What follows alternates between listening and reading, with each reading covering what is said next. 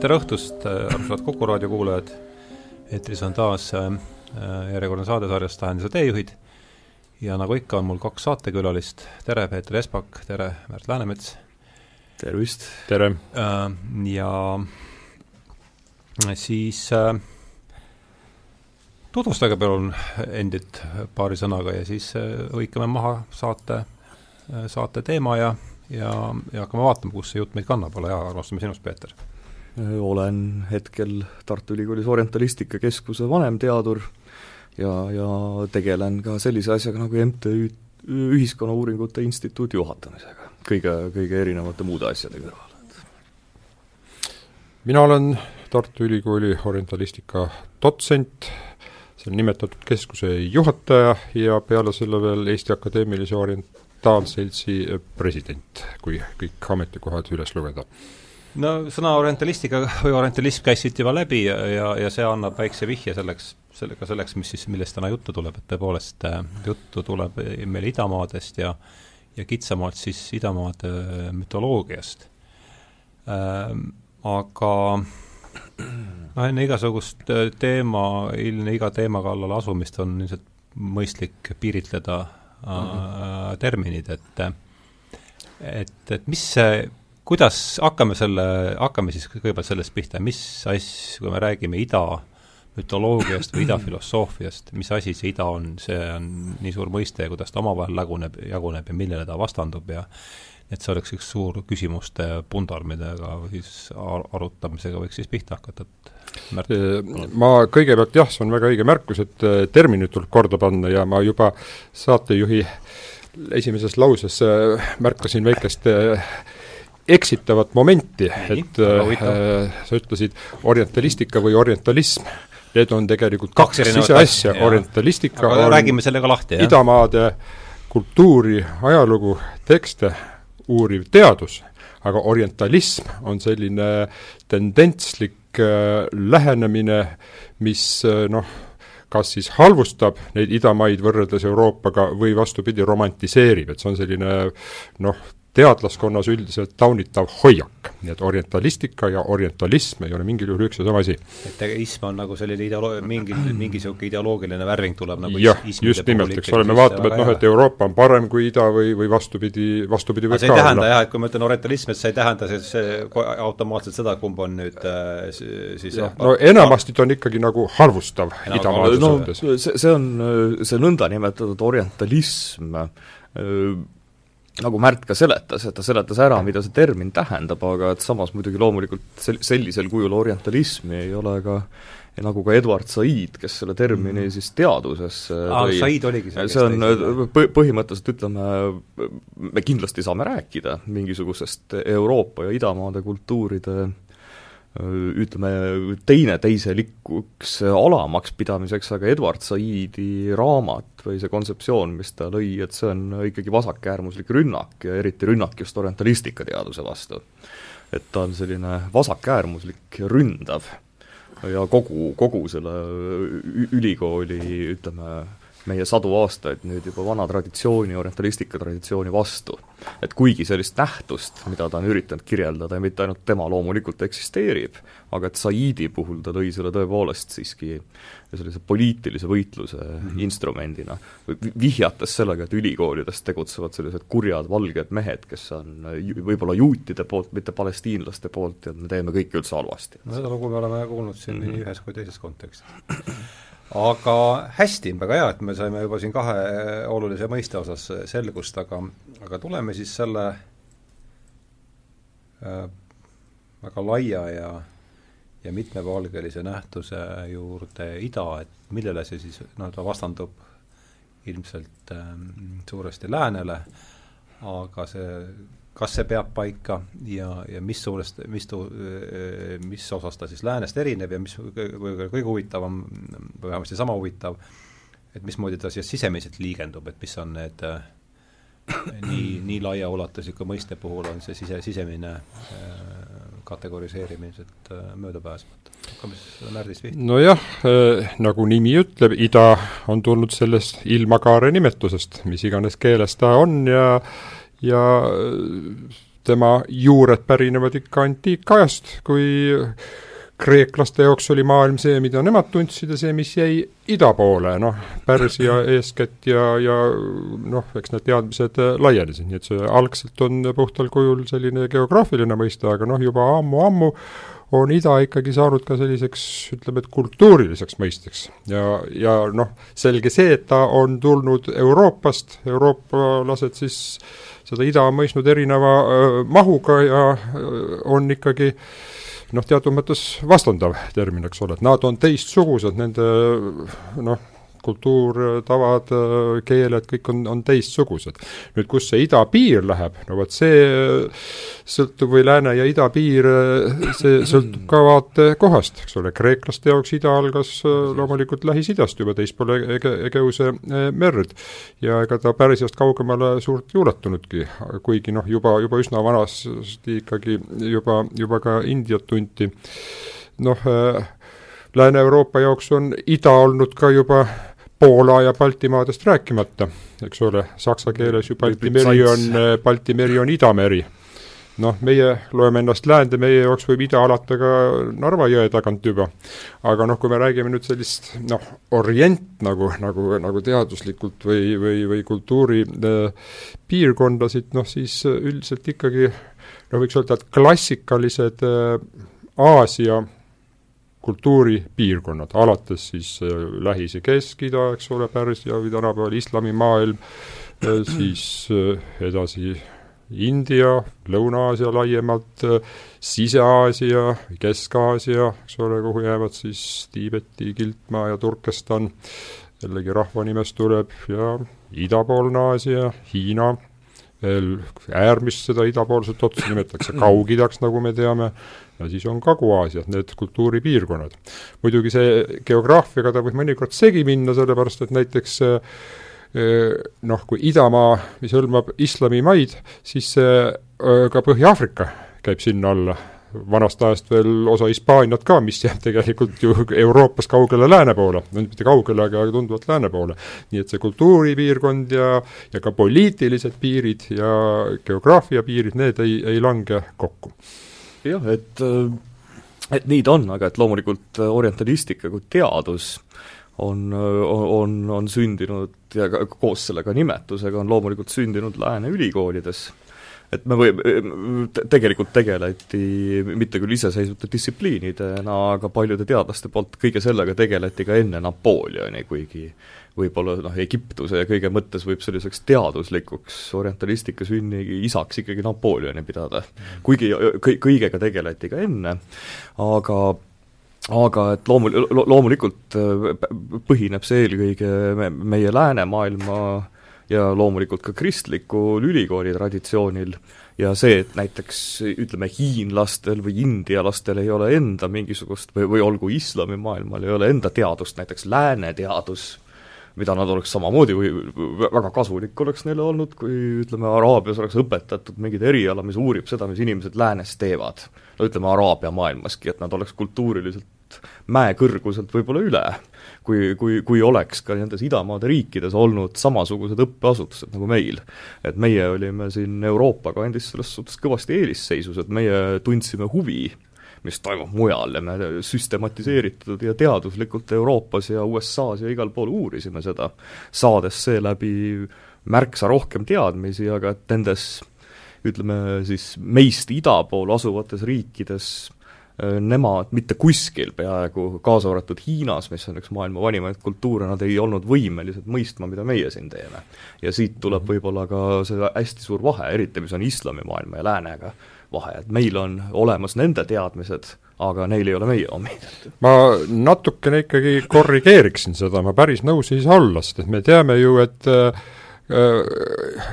varases kalifaadis ju õpetlased uurisid väga põhjalikult Kreeka teadust ja tõlkisid kõik araabia keelde, isegi nende kaudu tuli, tuli see Euroopasse paljuski äh, tagasi, nii et seda, seda ei saa öelda ja ma, ma, ma rääkisin just ütleme viimasest paarist sajandist, ütleme meie selle noh, hetke arengu ja, ja, ja ma ei mõtelnud nagu keskaega. ka, ka Vanas-Hiinas jah, noh ma jätkan ikkagi see, ütleme, et juba kuskil seal meie aja arvamise selle pöörde kandis äh, anti välja näiteks äh, noh, väga põhjalik geograafia, võib ka öelda kultuurigeograafiline ja etnogeograafiline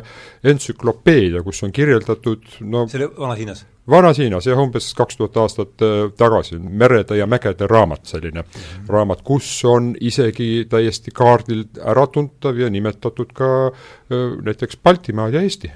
või noh, see piirkond vähemalt. mägede ja merede raamat. mägede merede raamat, jah noh, see, see, siin oligi, et mina, mina viitasin sellisele viimasele mm, -hmm. viimasele Aru kahele sajandile ja, ja maailma hetkeolukorrale, et kus siis, et me, me, me võime rääkida lääne traditsioonis me, me peame tunnistama, et lääs tänases mõistes siis äh, Euroopa, USA, kuhu kuulub tegelikult ka nii Venemaa kui, kui, kui suur osa ka Lõuna-Ameerikat, kui nii võtta, mida me mhm. saame nagu lääne kultuuriks nimetada ja osa ka Aafrikast on sinna viimased sada aastat kuulunud ja ja, ja, ja Austraalia ja nii edasi, et me, me, me peame seda rõhutama, et mi-, miks on see lääne me, me, meie noored kutsuvad seda nüüd lääne kapitalismiks ja rõhumisühiskonnaks, aga miks ta nii edukas on, ongi soovi pärast leida ja otsida ja analüüsida teadmisi. ja eriti ka idamaade mõjud või orientalistika mõjud ja see filosoofiline mõju, mis on idamaadest tulnud, olgu see siis Hiina või või, või India või, või, või Jaapan või mis tahes, et nende mõjud on tegelikult lääne kultuurile olnud väga suured ja jätkuvad samamoodi tänapäeval. noh, kui veel võib-olla selle orientalistika või idamaade uurimise teaduse noh, tänapäeva mõistes teaduse ja loomise või sünni põhjuste juurde tagasi tuua, tulla, siis noh, ega päris ainult nii-öelda eurooplaste mingi eriline teadmise iha see ka ei olnud, selle taga on ikkagi koloniaalvallutused see seitsmeteistkümnendal, kaheksateistkümnendal sajandil ja noh, mina tunnen paremini võib-olla seda India eh, kanti, Indiat hakati hakkasid uurima ka kultuuri ja sanskriti keelt ja käsikirju koloniaalametnikud, sest et eh, emamaal oli ilmtingimata tarvis eh, seda valitsetavat ala tunda, mitte ainult noh, pealiskaudselt, eks ole, majandust ja inimesi ja poliitikat, vaid ka kultuuri sügavalt. Ja noh, tegelikult jah, et see koloniaalajastu lõi vajaduse selle teadmise järgi ja noh, sellepärast tänapäeval ka jällegi noh, võib-olla võib öelda ka, et selline vasakpoolne suund on, on mis hirmsasti rabab seda, et noh, seda postkolonialistlikku diskursust luua ja umbes ka see valge mehe süü, eks ole, et et meie tegime ja nüüd me peame rääkima ja vaatama neid asju sellest koloniaalvärgist äh, vabana, noh, ühest küljest sellega võib nõus olla, aga sellega on mindud jälle nagu selle orientalismiga kaugele-kaugele liiale noh, siin motivaatoreid on erinevaid, et ei saa ka, ta loomulikult Briti impeerium tahtis, nagu ka ameeriklased tegelikult hiljem, et eks nad tahtsid võtta sealt, kus võtta on. Aga et me ei saa see tundub üli... olevat üldse inimesele oma, loomuomane niisugune suundumus. araablased, me räägiksime praegu, kogutakse Allahi poole ja võib-olla ei räägiks me ei tea, mis keeles me räägiks praegu, võib-olla isegi araabia keeles, kui kui üllad prantslased ei oleks kunagi, ei oleks kunagi siis äh, islami kolonisatsiooni tagasi löönud. et äh, ütleme, lääne tsivilisatsioon selles suhtes oli õnnelik, ta suutis islami pealetungi tagasi lüüa. et aga kõi-, olgu need hiinlased või ükskõik kes, anna ainult võimalus, küll nad oleks täpselt sedasama teinud läänega. et siin ei hakata arutama, kes nüüd kakssada aastat tagasi kuri või õel oli, kõik inimesed olid selle all kurjad ja õelad ja omakasupüüdlikud, et see, et me võib-olla alates Woodrow Wilsonist äh, pärast teist maailmasõda, esimest maailmasõda, et siis on meil tekkinud, hakanud alles tekkima mingi arusaam, et ei peaks nagu üksteist kogu aeg ära vallutama. et hakata nüüd siis meie kaasaja selle viimase saja aasta ideoloogia põhjal, kus kus rahvaste enesemääramine ja kultuuride enesemääramine noh, nüüd see hakkab jälle tagasi minema sinna vasakpoolse diktatuuri poole, aga et äh, ikkagi meil veel on meeles see, et rahvad ja kultuurid peaks saama iseseisvalt areneda, et see on väga uus mõtteviis. Mhm. kakssada, sada viiskümmend aastat tagasi oli nende kõikide rahvaste seisukohalt oli see täiesti loomulik inimtegevus, et sa võtsid nõrgemalt ja jaa, loomulikult eh, noh, et kui me räägime jah, nüüd orientalistika teadusest, siis eh, ja ka ajaloost ja ka sellest kolonialismist ja kõigest, seda tuleb teha teaduslikult ja eelarvamuste vabalt, me ei saa nüüd seda teadust, poliitikat, ideoloogiat üldse ära segada, eks ole, kolonialism oli, vallutused olid, aga nagu Peeter ütles, see oli tolle aja maailmas ükskõik, kus sa võtad, normaalne tegutsemisviis. ja pluss noh tugevam võitis. selles osas on vaevalt ka tänapäeval midagi väga, väga no selles osas loodame, et kui, kui, kui me lähtuks sellest, et tugevam ei võida, et siis meie oleme hetkel USA ehk kõige tugevama poolt ja pool, et siis ma loodan, et maailmas jätkub see tendents, et ikkagi tugevam võidab, et just seetõttu, et me oleme hetkel tugevamaga ühes paadis. aga et mis puutub muidugi Lähis-Ida uuringutesse, mis on siis minu eriala, vastupidiselt Märdi rohkem, rohkem Hiina ja India kanti, kalduvast huvist, et orientalistikas on väga-väga palju eriteadusi, et neid on tõenäoliselt kogu mitut raadiosaadet läheb vaja, et neid eriteadusnimesid sellepärast me üritamegi kõigepealt enam-vähem kaardistada seda gloobust, et et aga lähi, Lähis-Ida, eriti vana Lähis-Ida uuringute puhul, olgu nad siis vanad sumerid või pärslased, et äh, ikkagi see põhiimpulss äh, antud suunas tuleb esimese, esimesena piibliteadustest ka veel sada aastat tagasi, peale Nietzsche surma ka, oli ikkagi piibel oli valdava osa eurooplaste või need lood, mis piiblis on, oli elu keskmeks. samamoodi nagu Eestis meie enda vanavanemadki tõenäoliselt teadsid piiblit väga, väga hästi, kõiki neid lugusid. et see oli inimeste elu keskmes ja kõik need asjad, mis sealt hakkasid välja tulema, olgu siis Assüüriast, Babyloniast, hiljem Sumerist, et need olid äh, pakkusid usuteaduslikult ja akadeemiliselt kogu ühiskonnale huvi. sest sealt sai, sai infot, mis kunagi nagu nendes piirkondades, mis olid piibliga seotud, toimus. et see oli esilehe uudis, kui ikkagi midagi, midagi kuskilt välja kaevati, et ei, ei ole nagu nüüd, et et see on selline, ütleme, kitsa ringi kultuurihuviliste või teadushuviliste, kui, kuigi rahvale meeldib Eestis väga ka lugeda igasugu vanu tekste, aga ikkagi praegu see on kitsama ringi huvi, ütleme sada viiskümmend aastat tagasi ma võiks öelda, et see oli üldkultuuriline või üldrahvalik huvi selle vastu. et nüüd on, nüüd, nüüd on need, kuna piibel ei ole enam kogu rahvastiku elu keskmes, et siis on see ka veidi äh, veidi, veidi ka Lähis-Ida vanade aegade tekstide uurimine võib-olla ei ole nii oluline, aga et vähemalt enda ala seisukohalt ikkagi kui, kuigi ka hiljem kai-, keiser Wilhelm Teine ja seal oli väga palju igasugu poliitilisi motiive, et miks kaevata kuskil välja, miks saada mõne, mõne idamaa võimujuhi või valitseja käest läbi, aga et ikkagi see põhiimpulss tundub olevat puhtalt intellektuaalne. Et äh, ilma igasuguste nende koloniaalhuvideta tõenäoliselt oleks samasugune teadus tekkinud, sest inimeste huvi selle vastu kõigepealt pidi suur. kokkupuude olema teiste ja, kultuuridega, mille tõi kaasa koloniaalajast. oli, oli, oli tegelikult enne. aga no ütleme, sellisel laia äh, massilist äh, rännet ikkagi ei, massilist ei olnud, aga tegelikult selle tõi kaasa ikkagi maailma need avastusretked ja koloniaalajast, ma kujutan ette. no tu-, tu-, tu-, tunnist-, natuke on ülepaisutatud see, et vanad et vanadel aegadel rahvad ei suhelda omavahel, kogu aeg suheldi, et see juba kaks tuhat aastat, kaks tuhat viissada aastat enne Kristlust sumerlased tegid India piirkonna elanikega kaupa tuhandete kilomeetrite kaugusele, reisiti nii maad kui merd pidi, et see lihtsalt, need on dokumenteerimata kontaktid. jah, et niisugune ast-, astmestiku küsimus, aga aga järsku lähemegi siis nüüd edasi selle ida sisemise liigendatuse juurde, et äh, siin juba Lähis-Ida käis läbi, ma kujutan ette, et see hakkab meil siis pihta Äh, siit kohe Türgi, tänapäevase Türgi rannikust ja läheb välja Indiani või? no Lähis-Ida hulka me üldiselt noh, tänapäeval, no ja no, nagu sa mainisid, Põhja kas Pärsia, Pärsia jääb, kus sa Pärsia Pär-, Pärsia võib jah, Lähis-Ida hulka vi-, viimasena lugeda, võib-olla Afganistani aga et mitte, see piir läheb ja ikkagi sealt väga no, piirid on hajusad, ma kujutan Inglise keeles on veel termin Middle East, eks ole, Kesk-Ida, aga noh, see Kesk-Aasia on ju meiegi, meiegi. ei no Middle East just nimelt. East, Kesk-Aasia on Central Asia. ja muidugi, muidugi. et Middle East, noh et see ilmselt võtab ikka Pärsia ka all Indiani, Indiani välja. ei, me võime ta ju Lähis-Ida alla Pärsia lööme esi, lööme esialgu nii laia, laia lauaga, kui saab, et äh, võtame, siis tuleb siis Lähis-Ida, ulatub meil Pärsiani, siis tuleb meil India.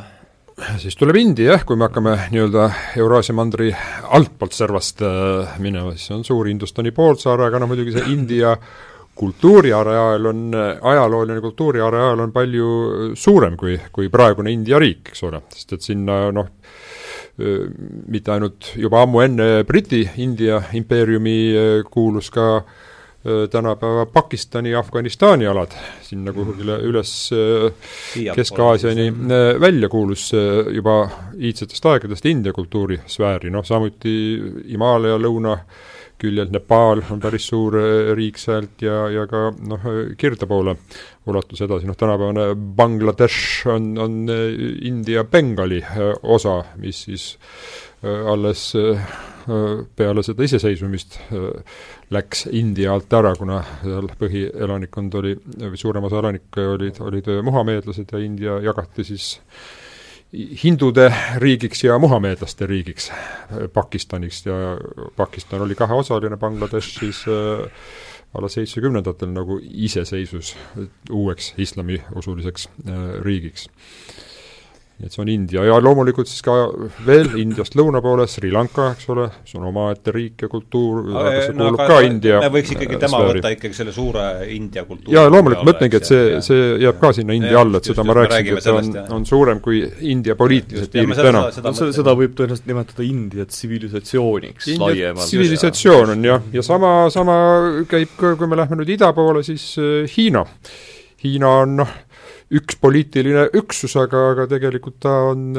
väga-väga äh, mitmekesine, palju mitmekesisem nii India kui Hiina mõlemad kui Euroopa, nii rahvaste, keelte kui, kui äh, kõikide äh, poolest, nii et aga noh, kuna Hiina on olnud selline kultuuri domi-, dominant seal noh, viimased viis tuhat aastat, siis, siis me võime ka seda Ida-Aasia kultuuri või tsivilisatsiooni noh,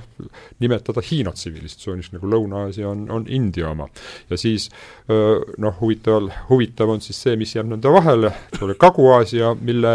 noh, ka selline kultuuriline määratletav, ka poliitiliselt määratletav nimetus on Indo-Hiina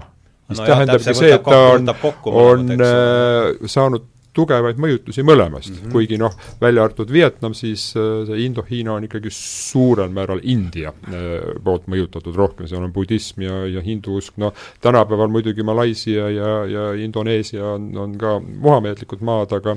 aga varem olid nad ikkagi India äh, mõju all. Nii, põhimõtteliselt oleme nüüd siis saanud kirja neli suurt üksust, Lähis-Ida, India, Hiina, Indo-Hiina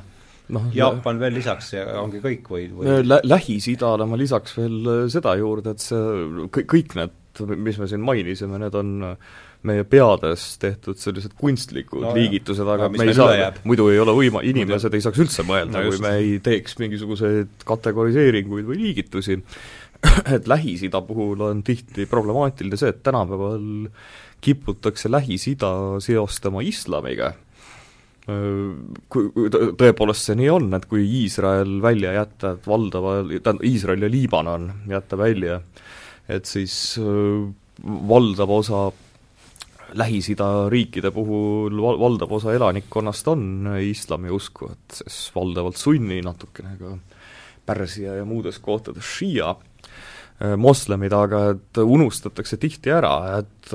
tegelikult on tegu vallutatud aladega valdavalt. et ka Aleksandri ajal ja, ja kuni, kuni, kuni veel aastani noh, ütleme, ristisõdadenigi kuulus, olgu see siis Iisrael, Palestiina või või, või Egiptus või väga, no üldse põhimõtteliselt kogu see piirkond, isegi Iraak, et kuulus, kuulus see meie enda tsivilisatsiooni. mis tähendab siis lääne kristlikku tsivilisatsiooni. ja see on üks aspekt, mida, mida ei suuda selline tänapäeva inimene, eriti vasakaktivist, ta ei suuda seda hõlmata. et tegelikult me räägime meie enda sellise lääne tsivilisatsiooni osadest et kuhu hakkas siis ekspansioonina peale tulema islam, aga et kõik, mitte kõik, aga valdav osa nendest vanadest ajaloolistest kirikutest, kristlikest, täpselt nagu ka Pärsias, Pärsia vanausundi zoroastrismi esindajad äh, on siiani rõhutud vähemustena alles. ainult Liibanonis on kristlastel võib-olla enam mitte absoluutsed õigused, aga et siiski, siiski õigused. et me oleme ära unustanud seda nõndanimetatud islami tsivilisatsiooni konstrueerides me oleme ära unustanud, et see on tegelikult segu meie enda tsivilisatsioonist ja siis peale tulnud uuest usust, et -hmm. et see on hästi komplitseeritud, kas me saame seda nimetada üldse, et mis see on nojah, eks, eks lähimal vaatlusel tekivad need probleemid kõikide nende üksustega, aga üritame selle üldiselt selle, selle alajaotuse nüüd pa-, pa-, paika saada, et me saaks edasi üks jäi, jäi veel, mis ma päris alguses mainisin ka, aga Sise-Aasia, väga suur, see on ütleme, stepikultuur. stepikultuur, jah. siis see oleks ütleme, nüüd, kas sa, Märt, paneksid selle, sellele ikkagi samal tasandil räägime, Lähis-Ida, India, Hiina ikka räägiks küll, jah. ja, ja sise, Sise-Aasia, jah? jah, just nimelt, et see on alg-, algselt on see stepikultuur, mis äh, hõlmab jah, ütleme noh, see niinimetatud endine Nõukogude Kesk-Aasia, eks ole, siis mida noh, vanasti nimetati Lääne-Turkestan, eks ole, Turkestan, see nimi tuleb siis türkidelt, kes, kes sealt steppidest äh, pärit on ja hil-, hiljem lääne poole liikusid ja oma, oma suure Türgi riigi rajasid, mis, mis tänapäevani on. see siis loomulikult Tiibeti kildmaa, kõik alla Himalaja äh, mägedeni välja ja loomulikult ka Mongoolia ja noh, võib-olla ka Lõuna-Siberi isegi või noh, kõik see, mida need stepirahvad on, on asustanud ja, ja ka tänapäevani asustavad et see on ikka omaette tsivilisatsioon, oma, oma siia... tunnusmärkidega ja nii edasi, aga samuti seal on ju tohutud segunemised toimuvad, eks ole no,, nagu Turkestan on ka nii Lääne kui Ida-Turkestan, Ida-Turkestan jääb nagu Hiina alla praegult, see Hiina kõige äh, loodepoolsem suur piirkond, kus on uiguurid, need on islamiusulised, aga, aga nad ei ole seda alati olnud. lõunapoolne Tiibet ja Mongoolia on, on budismi noh, religiooni poolest budistlikud piirkonnad, aga nad enne budismi ja enne islamit olid nad ka hoopis, hoopis teistsugused. aga, ja kui me siia Jaapani lisame kuuendaks, et kas me siis oleme suurte alajaotistega saanud hakkama või oleks midagi veel? No Jaapani jah, Jaapaniga on, on küsimus jah, see, et Jaapanit vaadatakse eraldi, see Huntington kuulus, kuulus tsivilisatsioonide uurija, tema tõesti tegi noh, pani nagu Jaapani eraldi, aga noh, mina paneks. paneksin jah, et see kuulub ikka sinna Hiina kultuurisfääri, sellepärast et noh, kui me hakkame, no mitte isegi, vaid, vaid täiesti puhtalt, et kui me mm. hakkame vaatama, kust, kust Jaapani tsivilisatsioon on tulnud, noh, ütleme, et alates riikluse arengust seal kuskil viiendal-kuuendal sajandil, siis no ütleme, et eriti jah, kuues-seitsmes sajand, kõik võeti Hiinast üle, me võtame arhitektuur, me võtame kirjakeele, me võtame ühiskonnakorralduse, kõik põhimõtted, konfutsionistlikud põhimõtted, kuigi noh, Jaapanis tänapäeval nagu seda ei rõhutata eriti väga, budism tuli Hiinast, kõik tuli Hiinast tegelikult. ja, ja hiina keel, ka kõnekeel on väga tugevalt jaapani keelt mõjutanud, kuigi need keeled iseenesest on, on väga-väga erinevad ja kuna nad suutsid üle võtta selle mu-, muu kõrval ka lääne teadusliku ja tehnoloogilise mõtlemise, et see seletab väga hästi nende sõjalist edu. jah, just nimelt, see mis küll lõppes halvasti, aga me ei saa eitada nende üheksateistkümnendal sajandil täpselt aastaarv on teada, tuhat kaheksasada kuuskümmend kaheksa, kui siis Jaapanis toimus teatud pööre, seda nimetatakse jah, Meitsi, Meitsi, seda nimetatakse restauratsiooniks, sest et formaalselt äh, võim võeti ära siis neid sõjapealikutelt ja šogunitelt ja anti keisrile tagasi. eks ole, kuigi noh, keiser ei ole ei uuel ajal ega vanal ajal kunagi, peaaegu kunagi poliitiliselt väga, väga mõjukas olnud, aga formaalselt oli see nii ja siis äh, nii nagu omal ajal võeti kõik Hiinast üle, siis võttis Jaapan mm kõik hakkas läänest üle võtma ja väga ja ja, ja väga kiiresti, eks ole, see oli paari põlvkonna küsimus, kui kahekümnenda sajandi alguseks oli Jaapan juba nii tohutult arenenud, et ta oli juhtriik Kaug-Idas ja hakkas oma maailmakorda looma, nagu me, nagu me teame, noh, mis siis neljakümne viiendaks aastaks küll kokku kukkus aga kena, kas siis äh, oleme kokku leppinud, et me räägime viiest suurest äh, üksusest, Lähis-Ida, India, Hiina, Indo-Hiina, Sise-Aasia? no oleme kokku leppinud, niivõrd-kuivõrd, jah. Aafrika, Aafrika, aafrikanistika üldiselt on ikkagi kuigi Eestis, ütleme, meie oma konverentsidel me oleme me, me, me, Eesti on nii väike, et üldiselt orientaalseltsi konverentsid hõlmavad ka Ameerika indiaanlaste aga tegelemise. see vist on praegu, läheb natukene jaa, lihtsalt me oleme ainus, näiteks orientaalseltski, et me oleme ainus selline omalaadne selts, mis üldse tegeleb, tegeleb, ütleme, meile kaugete kultuuridega, et siis me Eesti mõistes me ole, hõlmame endasse ka selliste hoopis üldse mitte orientalistikasse puutuvate asjadega tegelejad, aga et see on, me oleme väike riik, et meil on, meil on mõistlik kokku hoida nende pisikese hulga teadlastega, kes uurivad siis mingeid juba mujal kaugemal olevaid huvitavaid kultuure. väga hästi, jääme siis ikkagi selle viiese liigendatuse juurde, kui me, liigenduse juurde ja kui meil noh, siin saateks kokku leppisime, siis ma ütlesin, mulle pakuksid erilist huvi siin esialgu sellised äh, loomismüüdid ja see pool, aga enne kui me siit nüüd hüppame sinna sellesse teemasse sisse, oleks vahest ikkagi mõistlik äh, noh, käi- ja noh, ma kujutan ette, et niisugune tavaline raadiokuulaja, ega vaevalt talle see asi palju selgem on kui mulle, et mul oleks küll hea meel, kui me käiksime ikkagi põhi, põhi sellised asjad üle, enne kui me jah, kitsamalt nendesse loomismüütidesse läheme, et mis religioon kuskil äh, mis millest, ühesõnaga jah, selline väga, käime need, käime need äh, viis piirkonda niimoodi ükshaaval üle ja räägime religioonist, paari sõnaga igaühe religioonist, filosoofiast, äh, ajaloost Äh, no eelkõige vast ikkagi religioonist, sest muidu läheb see pikk pilt meil siin liiga, liiga laiali, et Lähis-Ida, no siin on selge, mitu korda läbi käinud, eks. Lähis-Ida puhul ei ole tegelikult ei, nad ei ole isegi kõigest selgusele jõudnud. no praegu ütleme, tänapäeva seisukohalt on meil ikkagi, on see islamimaailm. ei, ta, ta, ta, tänapäeva seisukohalt on islami elamusega endine kristlik piirkond, kus noh, ISIS ürita-, tegi suurt hävingut, aga kristlikud kirikud on kõikides piirkondades alles. aga noh, ajalooliselt rääkides Iraagi aladel, tänase Iraagi aladel tekkis Sumeri seda võib ka tsivilisatsiooniks nimetada, sest ta hõlmas kõik hilisemad rahvad, kes seal elasid, kasutasid Sumeri kirja, Sumeri matemaatikat, Sumeri mõtteviisi, olgu need siis babüloonlased või assüürlased,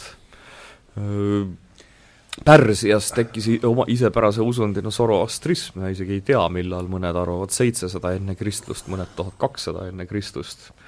Et religioosne paljusus seal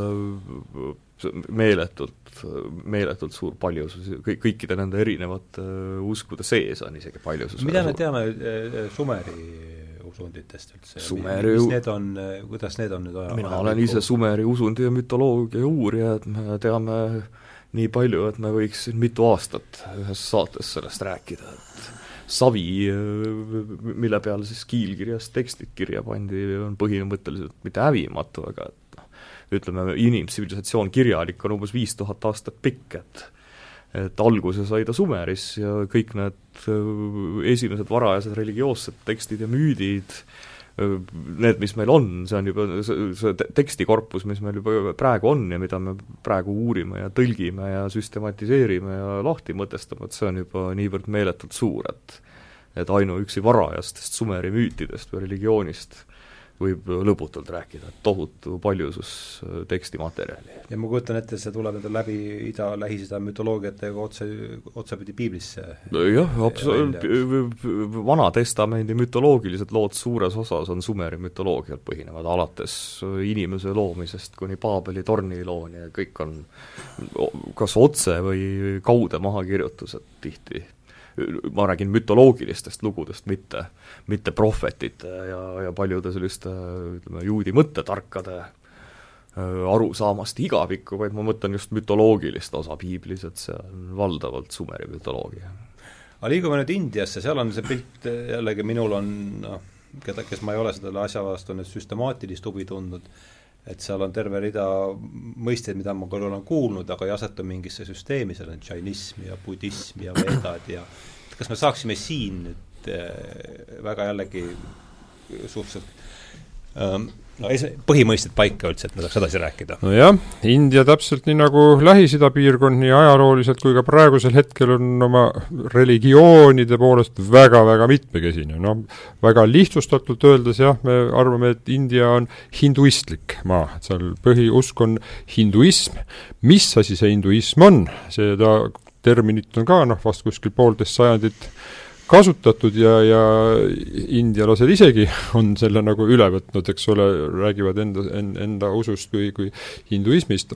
aga noh, tänapäeval nagu religiooni uurimise suund on jah selline, et ega sellist religiooni nagu hinduism ei ole olemas, see on katusmõiste väga suurele hulgale India religioonidele,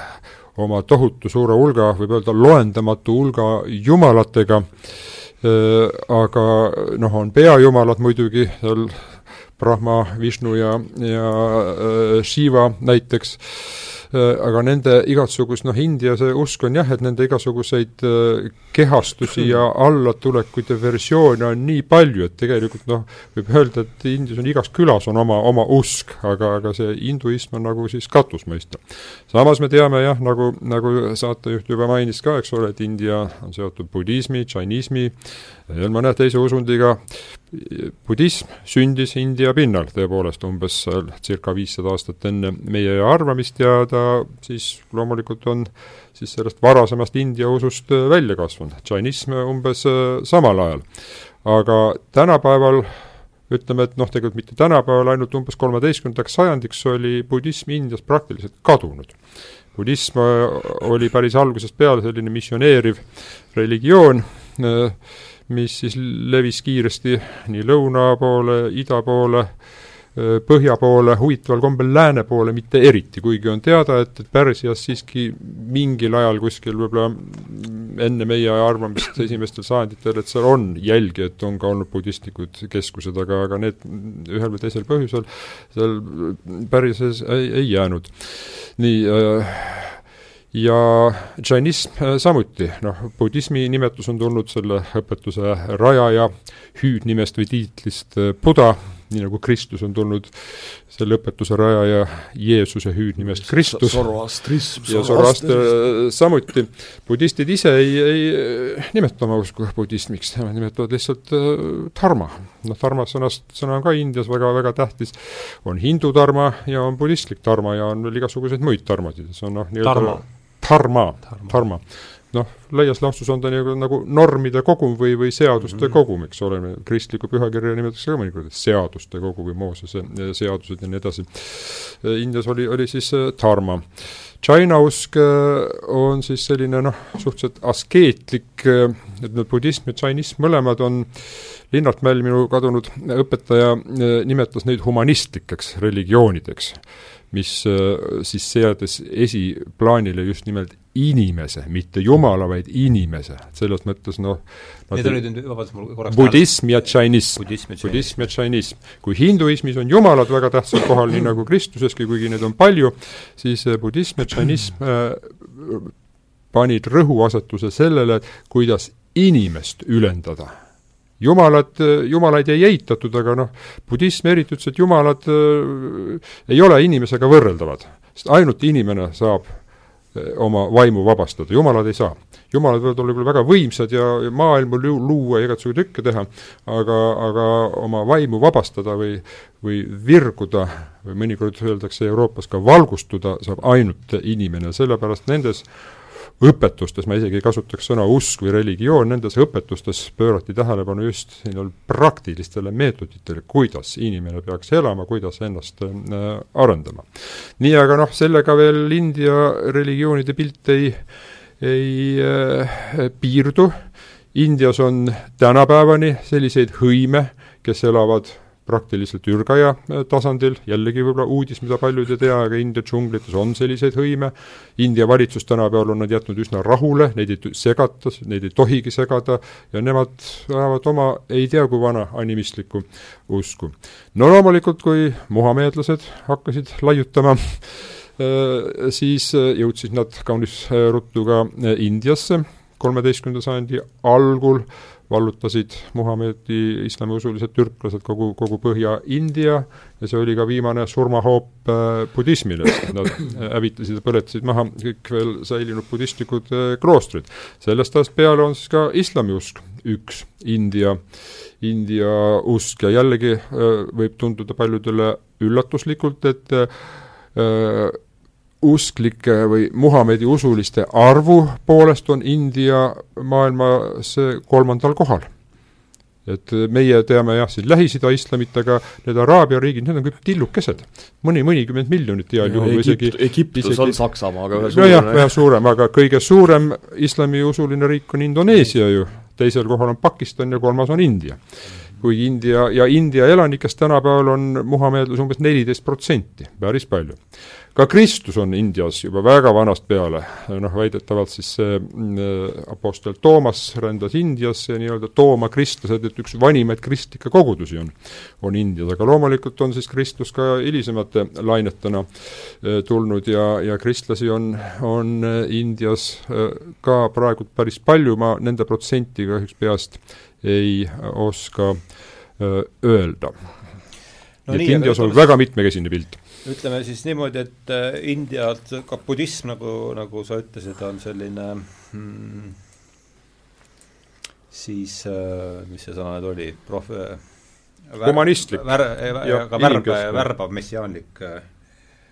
et äh, no värbama ei kasutaks seda jaa, ma, ma, ma ei leia õiget sõna seda missioneeriv. missioneeriv, just täpselt, jah, see läks mul, äh, otsisin äh, põlve otsast sellist mõte, enam-vähem mõtet edasi andvat sõna, et läheme, seal liigub sealt siis nüüd Indo-Hiinasse, eks, ja ka üles põhja poole Hiina poole, et ja kohtub seal siis millega? Nii, no ka Hiina on, on äh, väga vana tsivilisatsioon ja äh, ja selle usundid või õpetused on ka, selle poolest on ka Hiina väga mitmekesine. et noh, Indi- või Hiina selliseks noh, märgiliseks, äh, jällegi ma ei kasutaks sõna usund või religioon, vaid õpetus on konfutsianism, jällegi natuke läänestatud sõna, selle õpetuse rajaja kung tzu, kung fu tzu, kung futsu järgi, kui äh, ladina kristlased, jesuiidid kuueteistkümnendal, seitsmeteistkümnendal äh, sajandil Hiinasse jõudsid ja nemad olid ka esimesed uurijad, kes hakkasid Hiina tekste tõlkima. Need missionär või need jesuiidid ühelt poolt küll, nende eesmärk oli viia ristiusku kaugetesse maadesse, aga, aga nad olid väga haritud ja, ja just esimesed tõlked ladina keelde tegid missionärid, nemad siis selle äh, nime väänasidki ladinapäraseks. Confucius. Confucius. nii, ka see ei ole, ei ole klassikalises mõttes äh, religioon, Confucius elas umbes samal ajal kui Buda, kuskil suurusjärk viissada aastat enne, enne meie aja arvamist, ka see on pigem moraali ja sellise inimese inimkeskne äh, õpetus inimkeskne õpetus. Konfutsius, noh, Buda rääkis veel jumalatest või möönas neid, Konfutsius äh, lausa eiras. no isegi tema õpetussõna on selline, et noh, kui küsiti, et kuidas peaks suhtuma jumalatesse ja vaimudesse, siis Konfutsius oli väga range, ütles, et äh, kui inimene ei saa iseendaga hakkama, mis asja ta siis äh, veel mingite nende teispoolsete asjadega tegeleb. iseendaga, siin ja praegu tuleb, tuleb hakkama saada. nii. teine Hiina siis suur õpetuste kompleks või, või, või noh, see on rohkem religioon, on taoism, mida me ka teame, taoism. kuna see on umbes samasugune samasugune teatud mõttes katusmõiste nagu hinduism eh, India puhul, siis ka piiritleda, et noh, missugune see taoism on, on, on väga raske, sest on konglomeraat, mille juured ulatuvad kuhugile vanasse animistlikku, šamanistlikku traditsiooni, aga mingil hetkel siis enne meie aja arvamist esimestel sellega selles mõistes nagu natuke siis hinduismiga no tähendab, vormi poolest, sisu poolest ei ole mitte midagi pistmist. Siis arenes taoistlik filosoofia, väga sügavmõtteline filosoofia, siis veel mõnevõrra hiljem arenes noh, võib öelda taoistlik kirik oma vaimulikkonna ja hierarhidega ja, ja ka jumalate kultusi, ka taoismis on jumalaid on väga-väga palju, nagu selles mõttes ka sarnasus eh, hindu eh, usundite komplektiga, et, et jumalaid on, on palju ja, ja siis see India või Hiina eh, rahvuslik religioon. ja kolmas, mis Hiinat on väga palju mõjutanud, on nüüd budism budism ei sündinud Hiina pinnal, vaid Indias, aga juba meie ajaarvamise esimesel sajandil ta Kesk-Aasia kaudu e, jõudis Hiinasse, kohtus seal siis konfutsianismi ja, ja, ja taoismiga, aga hiinlased võtsid selle huvitaval kombel päris kiiresti omaks ja, ja noh, teatud perioodidel tänapäevani välja on budism olnud väga mõjukas. Aga Hiina tsivilisatsioon paistab silma ka selle poolest, et ta on nagu uskude suhtes olnud alati suhteliselt tolerantne üks usk, ususõdasid selles mõttes Hiinas pole olnud, seal on küll ka usulippude all olnud, olnud igasugu ülestõuse ja värke, aga, aga mitte usu põhjusel, et üks tahab teist äh, alla suruda või ära äh, hävitada. ja ütleme, et kuskil tuhat aastat tagasi või nii, siis hiinlastel kujunes isegi selline kontseptsioon, et noh, mida hiina keeles nimetaksegi kolmikõpetus et konfutsionism, taoism ja budism ei välista üksteist, vaid see on üks mis, mis ajal see kujunes? no umbes tuhat aastat tagasi, Sungi dünastia ajal. ja umbes nii, et igal õpetusel on inimese elus oma koht. konfutsionism, eks ole, me rääkisime, see on moraaliõpetus, ühiskonnaõpetus, riigiõpetus, et nii-öelda igapäevases ühiskondlikus läbikäimises inimene peaks järgima konfutsionismi reegleid, suhetes ütleme, et looduse ja jumalatega ta peaks järgima taoismi põhimõtteid, aga siis nii-öelda enda vaimses arengus ja ka teispoolsusele mõeldes ta peaks järgima budismi põhimõtteid. nii et, et ja, ja selline noh,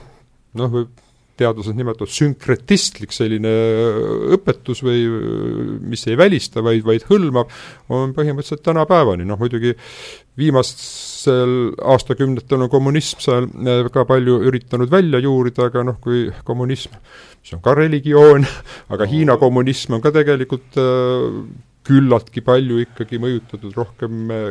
konfutsionismist, noh küll kohati keeranud, keeratud pahupidi need konfutsionistlikud põhimõtted, noh nagu marksism on, on kristlusest, eks ole, mõjutatud, aga nüüd, kui see kommunismi mõju noh, vähemalt inimeste vaimul hakkab vähenema, siis need religioonid tulevad jälle, jälle tagasi, kuigi viimaste, just viimaste aastate areng on, on, on selline, et neid püütakse jälle maha suruda, ütleme tuhande üheksasaja üheksakümnendal, kahe tuhandete algus oli Hiinas selline suhteliselt liberaalne, aga praegult nüüd selle esimees Xi Jinpingi ajal on, on kirikuid lausa lammutatud ja, ja seda niisugust noh, religiooni no, mõttes on, on, on väga palju hakatud survestama jälle. Hiina puhul see on, see on arusaadav, et ei ole idamaadest, ka Lähis-Idast me teame väga hästi, et ükski impeerium, väga harva on, kus selline keskse tsentraliseeritud struktuuriga impeerium üle saja aasta püsib. põhjused tavaliselt on see, et selline keskne imperiaalne valitsussüsteem, et see tingib kaasa alati onupojapoliitika. ühesõnaga, kui sul ei ole ametikohtadele mingit teatavat vaba konkurentsi, siis võib-olla ütleme, dünastia rajaja isa, tal läheb hästi, järgneval valitsejal ka veel hästi ja siis hakkab ühesõnaga see süsteem korrumpeerub mhm. täiesti ja, ja Hiina puhul, kui nad laseks vabamaks tõenäoliselt natukene, kaasa arvatud religioonid, et siis tõenäoliselt kogu see monstrum variseb kokku lihtsalt sellise jah, vot äh, Hiina kohta on see, see väga tabav, sest et noh, kui ka jälle niisugune pealiskaudne ajalooline lähenemine ütleb, et Hiina riik on noh, kaks tuhat või kolm tuhat aastat äh, vana, see ei ole nii Hiinas on küll riik olnud kogu aeg ja viimased kaks tuhat aastat või natukene rohkem noh, nii-öelda impeeriumi kujuline riik, aga hiinlaste enda ajaloo nägemus ongi selline, et ajalugu ei ole mitte püsiv ega sirgjooneline, vaid ajalugu on tsükliline, see on täiesti loomulik, et üks noh, ütleme dünastia tekib, üks keiser rajab, rajab riigi ja siis just nimelt, et see on sinna sisse kirjutatud, et mingi periood see on nagu tõusuteel, areng käib aga siis hakkab alla käima ja just selle tõttu, et äh, valitsejad korrumpeeruvad, äh, hakkavad ebamoraalselt käituma, siis ja igal impeeriumil on lõpp. ja noh, väljendub see selles, et siis tuleb mäss, ülestõus, äh, segaduste aeg, Hiinas on noh, ütleme, et dünastiad on isegi olnud natukene kauem kui, kui sada aastat, aga äh, kõige pikemat dünastia on isegi nelisada aastat äh, olnud, aga, aga noh, see dünastia sees on ka olnud, olnud ikkagi kõikumise segaduste ajastu, siis tuleb segaduste ajastu ja siis keegi kõige edukam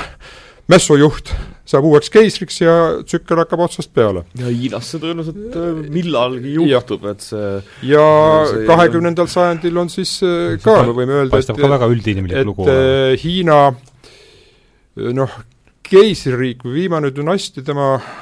apogee oli vast kaheksateistkümnenda sajandi noh, lõpupoole sealt algas allakäik, siis tulid need oopiumissõjad ja lihtsalt majanduslikult ja sõjaliselt tugevam lääs hakkas, hakkas survestama. ka Hiinat üritati koloniseerida, aga noh, päriselt see ei õnnestunud, aga, aga mingid osad ikkagi. allakäik kestis, noh, kuskil ikkagi kahekümnenda sajandi keskpaigani võib öelda, eks ole, keiser kukutati küll juba, juba tuhat üheksasada üksteist, siis tuli vabariik, aga see vabariik oli pigem segaduste aeg, see valitsus ei kontrollinud kunagi kogu Hiinat, siis tuli sõda Jaapaniga, väga pikk ja verine sõda, eks ole, mis ei lasknud Hiinal edasi minna, siis tuli, sõda lõppes ära, siis tuli kodusõda kommunistide ja Hiina Vabariigi vahel, mille võitsid kommunistid, nad ühendasid küll Hiina jälle, jälle üheks riigiks väga, väga jõhkra jõuga, aga, aga noh, me teame, et esimesed kolmkümmend aastat oli seal suured segadused, igasugu kampaaniad ja kultuurirevolutsioon ja ütleme, et see Hiina allakäigu põhi minu mõistes oli kuskil tuhande üheksasaja kuuekümnendatel, seitsmekümnendatel. vahetult enne siis Deng Xiaopingi seda uut tõusu. see, see, see oli just siis, kui Hiina oli kõige mõjusam Prantsuse postmodernistidele ja maoism. ja, ja Hiina, Hiina kommunistid said oma hariduse Prantsusmaal kõik. Mao Zedong ise, ise, ise küll ei, ei käinud, aga siis oli jah, selline huvi, huvitav moment, ütleme tuhat üheksasaja seitsmekümnendate algus, kui Hiina oli täiesti hall ja siis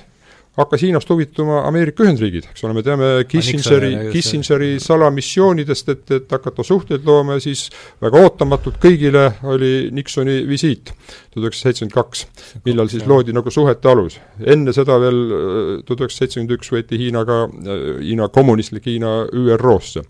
ja vot sealt hakkas, hakkas äh, siis tõus mis päädis või mille selline noh, kui Mao Zedong suri, siis seitsmekümnendate lõpus algas jah, see Deng Xiaopingi reformid ja, ja Hiina on nüüd väga-väga-väga tugevalt äh, tõusnud. Aga noh, ta on võtnud üle, eks ole, läänelikku majandust ja nii edasi, aga praegult on ta jõudnud jah, umbes sellesse faasi, et tõus küll on, aga see poliitiline, väga autokraatlik poliitiline süsteem ja noh, rohkem või vähem äh,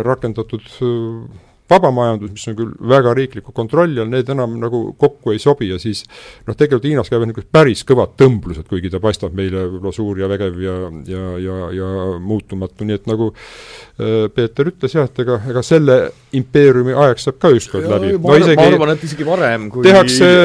võrdlust ka Nõukogude Liiduga, et Nõukogude impeerium noh, kestis laias laastus seitsekümmend aastat. noh, Hiinas äh, saab seitsekümmend veel ei ole, kuuskümmend on, aga, aga noh, näeme, kas ta no, seda, püsib kauem või mitte. seda, seda me saame näha, aga et üldiselt sellised tendentsid on igal pool nähtavad, et juba kümme aastat ühte valitsejat, kes ei suuda areneda, noh, me nägime Eestis, mis Ansipi ajal tekkis selline nii vaimne kui majanduslik seisak. et väga hea on ju meil, et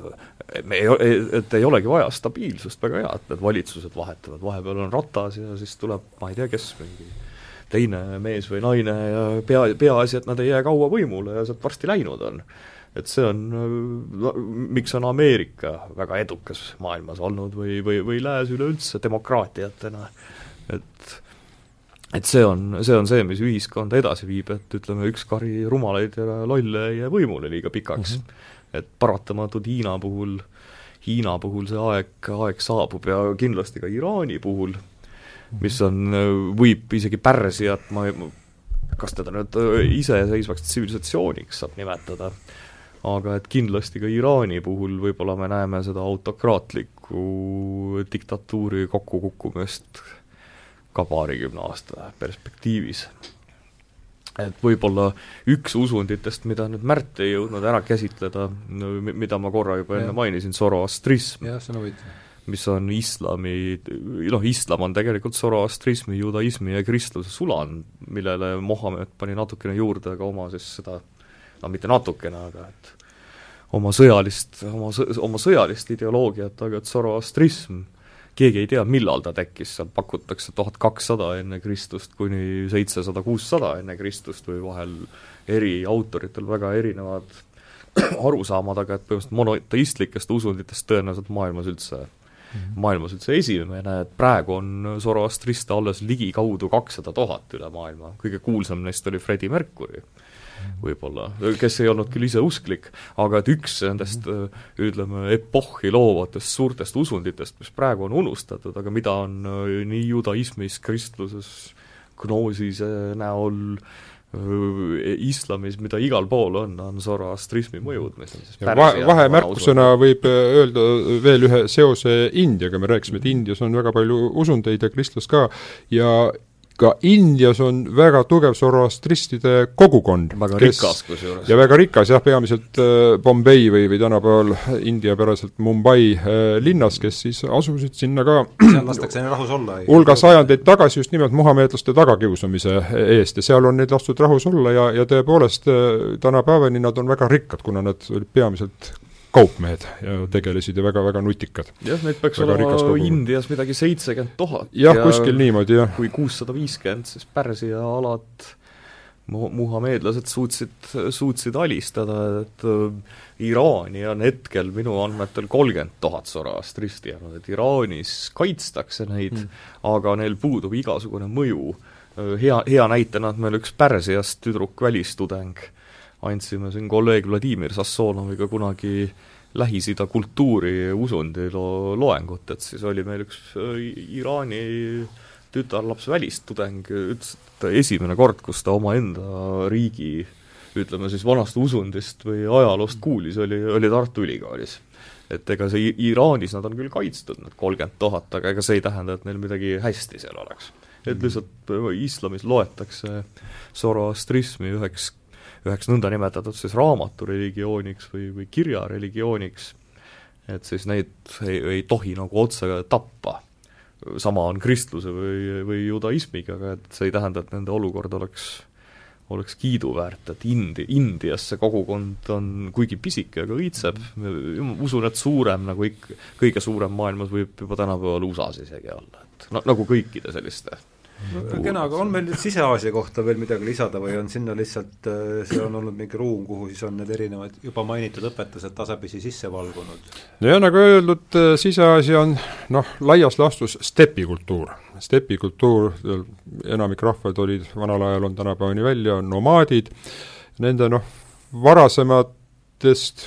usunditest aga me palju ei tea, sest et neil ei olnud kirja. kirjalikke allikaid ei ole, aga siis äh, selliseks noh, esimeseks noh, maailmausuks, mis nendel aladel levis, oli, oli budism. juba enne meie arvamist ja meie arvamise noh, esimese aasta tuhande jooksul, nii et noh, Tiibetit me teame, Tiibet on üdini budistlik äh, kultuur, tsivilisatsioon Tiibeti kaudu, see äh, läks siis ka omal ajal ka osa türklasi või türki, türke, kes, kes seal elasid, olid, olid budistid, aga siis äh, noh, kuskil alates kaheteistkümnendast, kolmeteistkümnendast sajandist Mongooliasse kaasa aitas sellele budismi levikule väga palju Tšingis-khaani ja tema järglaste sõjakäigud, kes ühendasid peaaegu kogu Aasia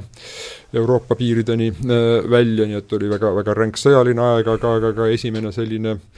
noh, võib öelda superriik superimpeerium, kus äh, ütleme, et Mongoolia, Mongoli khaanide valdustes võis siis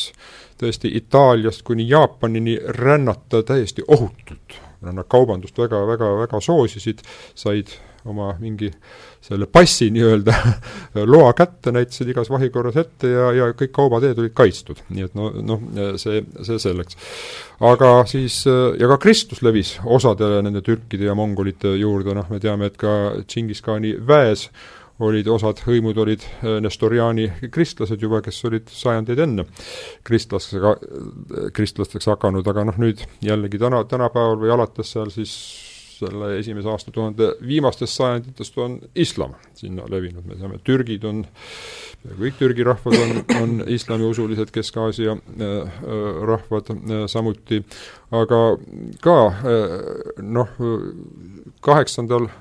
sajandil, seitsmendal, kaheksandal sajandil need muhameedlaste, araablaste ja alistatud rahvaste sõjakäigud ulatusid ka Hiinani,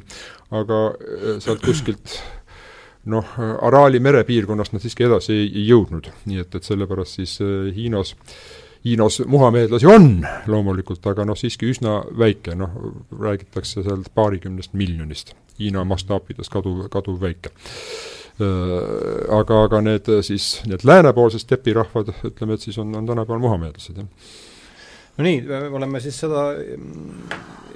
mõistet idasi nüüd ühte teistpidi liigendanud äh, geograafiliselt, nüüd ka religioosselt, et äh, ma kujutan ette, et kõikides suurte religioossete süsteemide põhiküsimused on eks ju vast see, et, et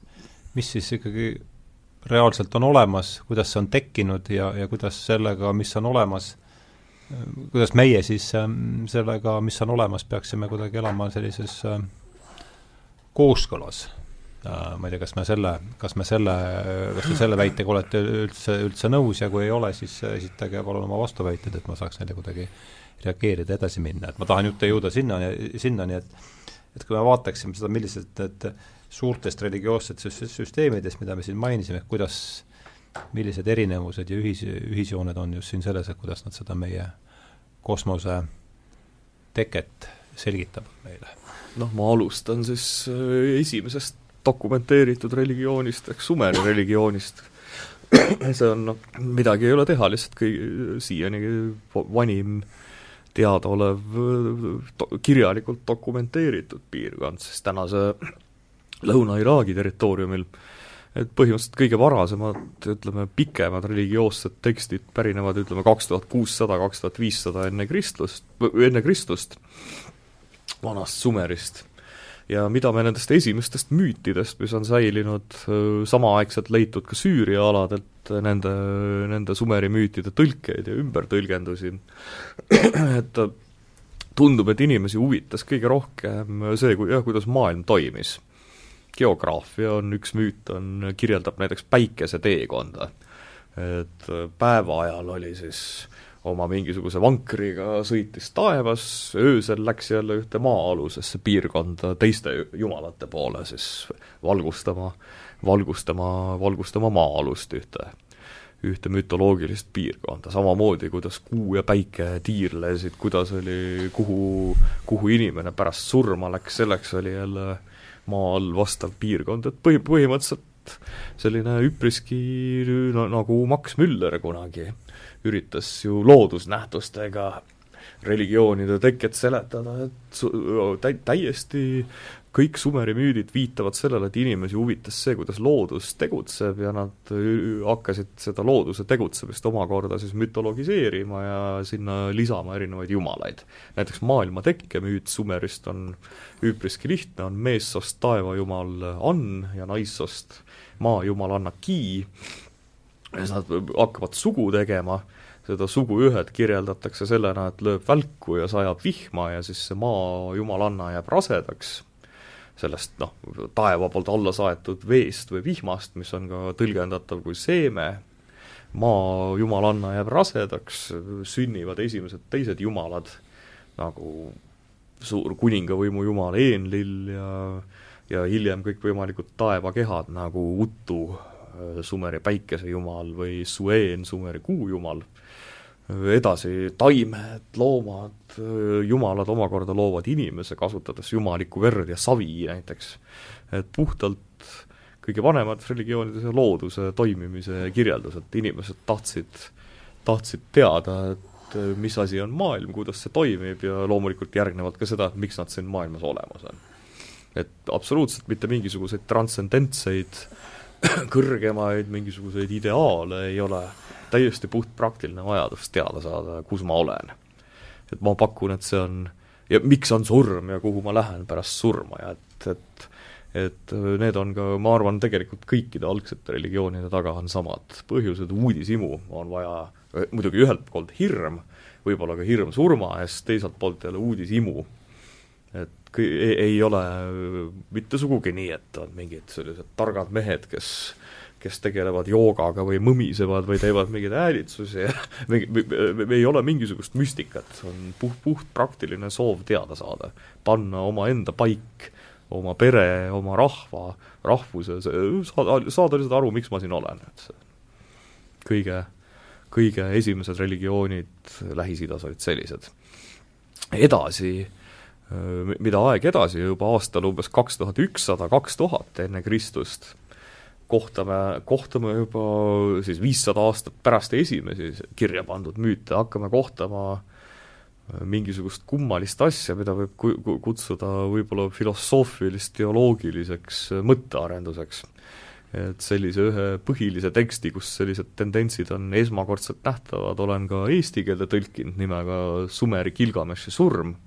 ilmus ta siis kaks tuhat kolmteist ajakirjas Akadeemia. ja näeme muide, kuningas Gilgamesh oli siis tüüpiline või, või, või kõige sagedasem Sumeri müütide kangelane, ka kuskil kaks tuhat kuussada, seitsesada elanud Uruki linna kuningas, kellest siis hiljem, hiljem juba selline ütleme, seitsesada aastat äh, pärast tema surma hakati looma tema ümber sellist kangelase eepikat või väga palju erinevaid lühikesi selliseid Sumeri tekste. Ja üks nendest on siis Gilgameshi surm, mis on äh, pühendatud ainult kuningas Gilgameshi surmale, et ta on haige voodis ja ilmselgelt suremas ja, ja tahab jumalatelt saada igavest elu, suhtlemine jumalatega toimub muidugi läbi unenägude selles müüdis, see on hästi levinud. vanas Lähis-Idas, et Gilgamesh soovib saada igavest elu, sest ta on lihtsalt niivõrd võimas kuningas ja niivõrd tähtis inimene olnud, kaasa arvatud tarkuse, sõnade rääkimise poolest, aga et probleem oligi, et Lähis-Ida mütoloogiates olid jumalad, olid surematud, niikaua, kui neid keegi füüsiliselt ära ei hävitanud, aga et noh, põhimõtteliselt olid, olid jumalad surematud, inimesed alati teatud hetkest alates surelikud, mis oli, muide inimese surelikkus võis tuleneda ülerahvastatuse probleemist, et see oli, sumerid pidid ka mõtlema, et miks, miks ma pean ära surema. et siis üks müüt annab väga selge sisendi, et kui inimesed ära ei sureks, siis maa oleks liiga ülerahvastatud ja ei oleks ruumi enam, jumalad ei saaks lärmi pärast magada ja nii edasi. et siis aga Gilgameshile jumalate nõukogu ütleb selle igavese elu taotlemisele, ütleb ei ja ütleb, et kuigi sa oled väga tähtis mees, ikkagi pead, ikkagi pead sinna surnute riiki allilma minema, kus talle küll lubati hästi tähtis, hästi tähtis positsioon, aga et selles müüdis on ka siis ühe jumala selline kõne Gilgameshile et kus ta seletab ära, et miks surm on siia tekkinud, et see algabki, et kas siis ei öeldud sulle seda, et see on see, mis ootab inimkonda ees alates sinu nabanööri läbilõikamisest. ehk siis Gilgameshi surmas defineeritaksegi inimelu põhimõtteliselt kui siis äh, sünniga algav surmav selline haigus või et hästi fatalistlik, et seal seletataksegi ära, et alates sellest hetkest, kui su nabanöör läbi lõigatakse, et see ongi lihtsalt teekond, pikk teekond surma poole. et inimesel mitte mingisugust vabanemist sellest ei ole. et kuigi elu eksistents kestis edasi, küll palju kehvemas vormis allilmas või enam meie mõistes põrgus, aga Lähis-Ida varased usundid inimesele mingit vabanemist ei andnud. ja et selles osas ongi see suur võib-olla zoroastristlik mõttemaailm, kus juba siis omavahel võitlesid headus ja kurjus, valgus ja pimedus, umbes nagu Ossinovskil praegu sotside puhul. pimedus, valgus, headus, kurjus, hästi tugevad opositsioonid, et seal juba hakkas inimene omandama mingisugust sellist igavikulist headusega defineeritavat olekuvormi, judaismis tekib ta võib-olla isegi Zoroastrismi mõjul samamoodi mingisugune transcendentne teises sfääris olev äh, jumalik kujutel mingisugusest ülimast olendist, kellega siis inimese hing, olgu pärast surma või eluajal, saab kuidagi ühenduses olla ja, ja, ja, ja saavutada lunastust ja siis noh, see suur mütoloogiline pööre kahtlemata tekkis, tekkis kristlusega. et see Gilgameshi esitatud küsimusele igavesest elust on ja ainsana kristlus annabki selle vastuse et kõik inimesed saavad pääseda, leida lunastust ja kristlus on juba täiesti selline mütoloogiast hakkab tasapisi see kõik välja minema, see on puhtalt inimese sisemise, sisemise arengu ja tema sideme läbi Jumalaga defineeritav religioon, et see on selline hästi pikk kolme tuhande aastane areng Lähis-Idas, et kõige primitiivsematest looduse kirjeldustest kõige noh, komplitseeritumate kontaktideni igavikulise ja siis sureliku vahel. et see on, see, see areng on, võttis kolm tuhat aastat, et jõuda sellest kõige, kõige elementaarsemast absoluutselt kõike hõlmavamani. et idamaade teistes kultuurides, budismis tegelikult võib-olla ja hinduismis ja et tõenäoliselt see areng on olnud samamoodi, samasugune, samades toonides, lihtsalt võib-olla varasemad tekstid kõige varasemad ei ole kirja pandud Hiinas näiteks. jah, see on jah, kui sellesama skeemi peale ehitada neid, neid teisi ma arvan jah, et see on, see on üldinimlik. jah, ega see probleemi nii-öelda põhiline asetus on, on sama, et ega siis ilmselt niikaua, kui inimsugu on olnud ilmselt kümned tuhanded aastad see probleem, et kuidas siin elada, miks see nii on, see elu ja maailm ja, ja püüd vastuseid otsida on, on tõenäoliselt väga vana, eks ole, noh. aga küsimus ongi selles, et kui Sumeris hakati neid asju kirja panema juba, juba väga ammu, neli tuhat aastat enne meie aja arvamist no ütleme, esimesed vähem. ikkagi müüdik kaks tuhat kuussada ja siis äh, teistes tsivilisatsioonides on kiri palju uuem nähtus. India on küll väga vana tsivilisatsioon ja ütleme, et me võime öelda, et vanimad tekstid, no mida nimetatakse Veda tekstideks, mille nimetus tähendab teadmine, teadmine. Veda tekstid tulevad küll ka vast juba teise aastatuhande sealt kuskilt lõpust, enne meie aja arvamist, aga kirja pandi need alles äh, kuskil meie aja arvamise algul. nii et äh, nad olid puhas suuline äh, pärimus, aga kuna noh, Indias just see edasiandmine mälu järgi oli väga oluline, siis noh, kirja, seal oli isegi suhtumine, et kas kiri ei ole miski püha asi kirjaga tegelevad äh, need arvepidajad ja kaupmehed, aga religioossed, olulised asjad, need õpitakse pähe ja need antakse edasi äh, peast. ja noh, kuigi juba viimased kaks tuhat aastat on seal tekste kirja pandud, on ka tänapäeval Hiin-, Indias, mitte küll palju, mina ise ei ole kohanud, aga mu mõned lääne kolleegid on kohanud, inimesi, kes neid samasid veedasid, kümneid tuhandeid värsse, teavad peast ja esitavad, rändavad mööda maad ja siis ongi, istuvad kuskile maha hakkavad esitama, noh, nädalapäevad võtab näiteks äh, aega et esitada, nii, nii see selleks, aga neis kõige vanemates tekstides on äh, ka jah, see maailma tekkimise ja inimese tekkimise probleemid on, on esindatud, kuigi jällegi mm, India kohta noh, nii palju kui mina tean, ei julge öelda, et mingisugune alg- või kindel loomismüüt üldse oleks. jah, et need tekstides, veedades on juba noh, seal kirjeldatakse juba nagu valmis maailma, kus on äh, jumalad ja taevad, hierarhiliselt mitte üks taevas, vaid, vaid, vaid mitu taevast ja ja maapealne osa ja ka, ka allilm ja nii edasi, et selline kosmoloogiline süsteem on paigas ja jumalad on üks, üks osa selles. noh, kuna need Aaria päritolu või noh, nagu tänapäeval öeldakse, Aaria päritolu indialased on, on ju või noh, nende alg noh, etnos või see oli ühine kreeklastega, siis nendega see äh, religioon äh, oli üsna kreeklaste sarnane, jumalate panton, kreeklastes me teame, oli Olümpos, eks ole, jumalate asukoht, siis äh, indialastel oli, nad nimetasid kolmekümne kolme taevas. seal oli kolmkümmend kolm tähtsamat jumalat ja nende peajumal siis on väga Zeusi sarnane. Indra, Indra oli, oli siis peajumal ka, välgu, välgunoolega möllas ja, ja, ja tegid selliseid üsna inimlikud jumalad, ühesõnaga. aga inimeste mure oli jah see, et äh, noh, ka eks seal taga on need loodusjõudude valitsemise ja asi, et elada nii, et, et see maailm oleks enam-vähem korras ja, ja inimes-, inimestele mitte väga ohtlik ega kahjulik, eks ole, me teame loodusnähtused ja uputused ja igasugu tormid ja maavärinad on ju väga väga, väga laastava toimega, vot India religioonis siis ka, ma ei nimeta seda hinduistiks, ismiks praegult, eks ole, vaid India selles varases religioonis, noh, ka jälle otsapidi tänapäevani välja oli, väga olulisel kohal oli äh, rituaalne ohverdamine. sest indialased uskusid seda, et noh, kuni sinnamaani välja, yajna, ohver, ohver ongi see, mis hoiab maailma korralikult käigus.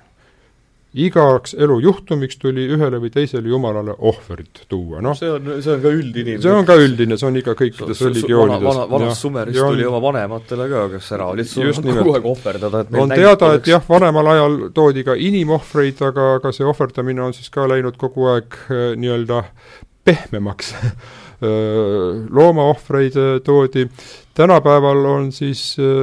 väga vähesel määral veel mõningates noh, ütleme, et hinduismi harudes, eriti Nepaalis, kus on võib-olla sellised arhailisemad kombed säilinud, seal ka teatud pühadel võidakse härga või kitse ohverdada, aga aga Indias endas see hindu usk on, on läinud noh, selliseks pehmemaks, et tänapäeval ohverdatakse noh, toitu, lilli,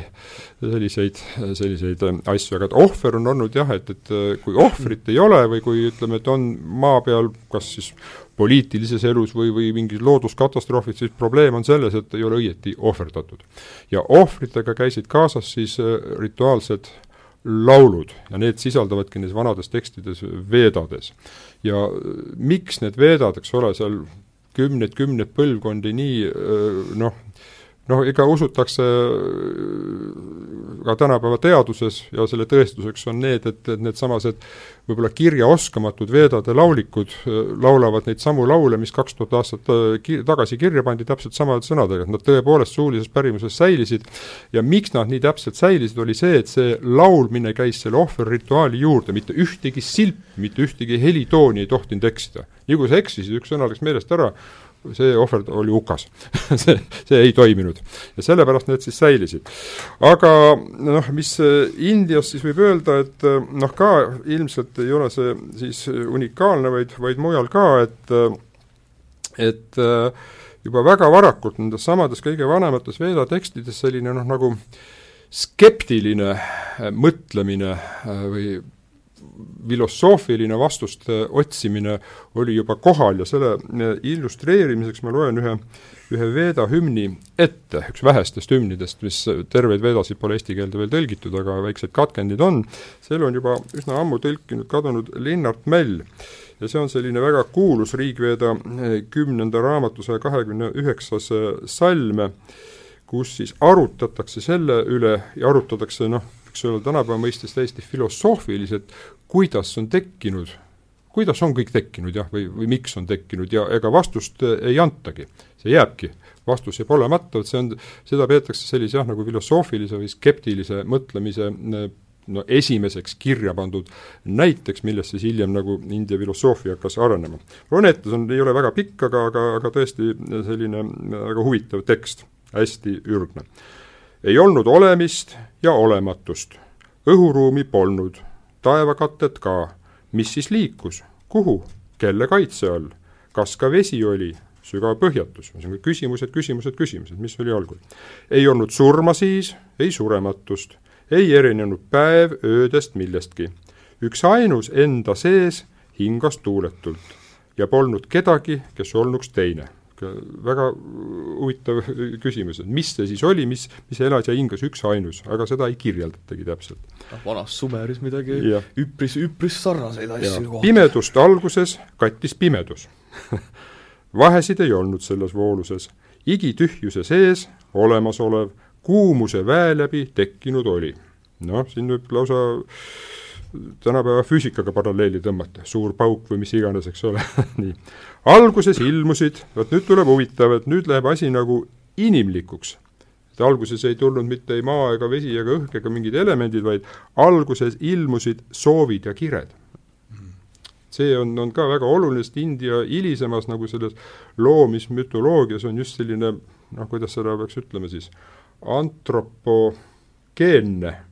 lähenemine, et nagu inimene oli enne, kui kogu see loomine tuli, ühesõnaga et indialaste maailmavaade oli selline, et me ei saagi vahetada mingit maailma ja inimest või mingit vahet teha. maailm eksisteerib niivõrd, kuivõrd on meie teaduses eksisteerib. vot sellepärast ongi, et alguses ilmusid soovid ja kired. meele esimesed idud nad olid. olemise tekke olematusest targad avastasid oma südameist. jällegi, eks ole, inimesed avastasid targad. risti läbi nemad nööri tõmbasid, ülemist kas oli, allpoolt samuti, küsimus jälle. seemendajad olid, olid võimsad väed, allpool endas püsi, ülal andmine. noh, natukene see vihjab sellele viljastavale müüdile, mida, mida Peeter äh, Sumerist rääkis, aga jällegi siin ei, ei isikustata, ei anta nimesid, mitte midagi, et lihtsalt olid võimsad väed. kes kindlalt seda teab, vot nüüd tuleb selline skeptiline osa, kes kindlalt seda teab, kes öelda oskab millest sündis maailm? loodu põlvnes kust? jumalad ju tulid ju loomise järel. oh, jumalad tulid loomise järel, aga kuidas loomine on, seda täpselt ei tea. kes mõistab küll seda, kust pärineb kõik? kust on küll ilmunud kõik, mis on loodud, võib-olla enda seest, võib-olla mitte. kõrgemast taevast, kes jälgib meid kõiki, võib-olla tema teab, aga võib-olla mitte. Selline siin, et kohe sa tõid selle väga olulise aspekti ka sisse, et äh, mis oli enne loomist, eks. Mm, -hmm. et äh, Sumerite tekstide puhul ma olen tõesti kindel, et preestrid ja kirjatundjad võib-olla arutasid õlle kõrvale iga õhtu seda. Aga et neil ei olnud mitte midagi tarka kirja panna või sellest ühtegi traktaati kirjutada, et Sumeri müütide puhul jah, see algab sellest taeva ja maa suguühtest kõik on paar teistsugust see on see algus siis? jaa, et see on me-, mees- ja naissugu hakkavad sugu tegema. ja noh, ja enne seda oletat-, pa-, paljud sumeroloogid ja mütoloogia uurijad oletavad, et võib-olla sumerid tõenäoliselt kujutasid endale ette, et see ideena oli kogu tsivilisatsioon juba olemas, tähendab, suured jumalused ja võib-olla ka idee inimesest aga et see sai avalduda alles pärast seda mees- ja naise elemendi mm -hmm. sugu tegemist, siis hakkas muide vesi voolama, mis, mida oli siin, mageda vee voolamine tähendas tsivilisatsiooni algust näiteks samamoodi pimeduse ja valguse lahutamise kohta on üks Sumeri tekst, et see oli hästi, hästi oluline, aga et ükski müüt ei too ära jah seda, et kes siis need noh, taeva ja maa lõi või mis siis enne seda oli. et äh, sellele leidsid äh, juudid kohe lahenduse.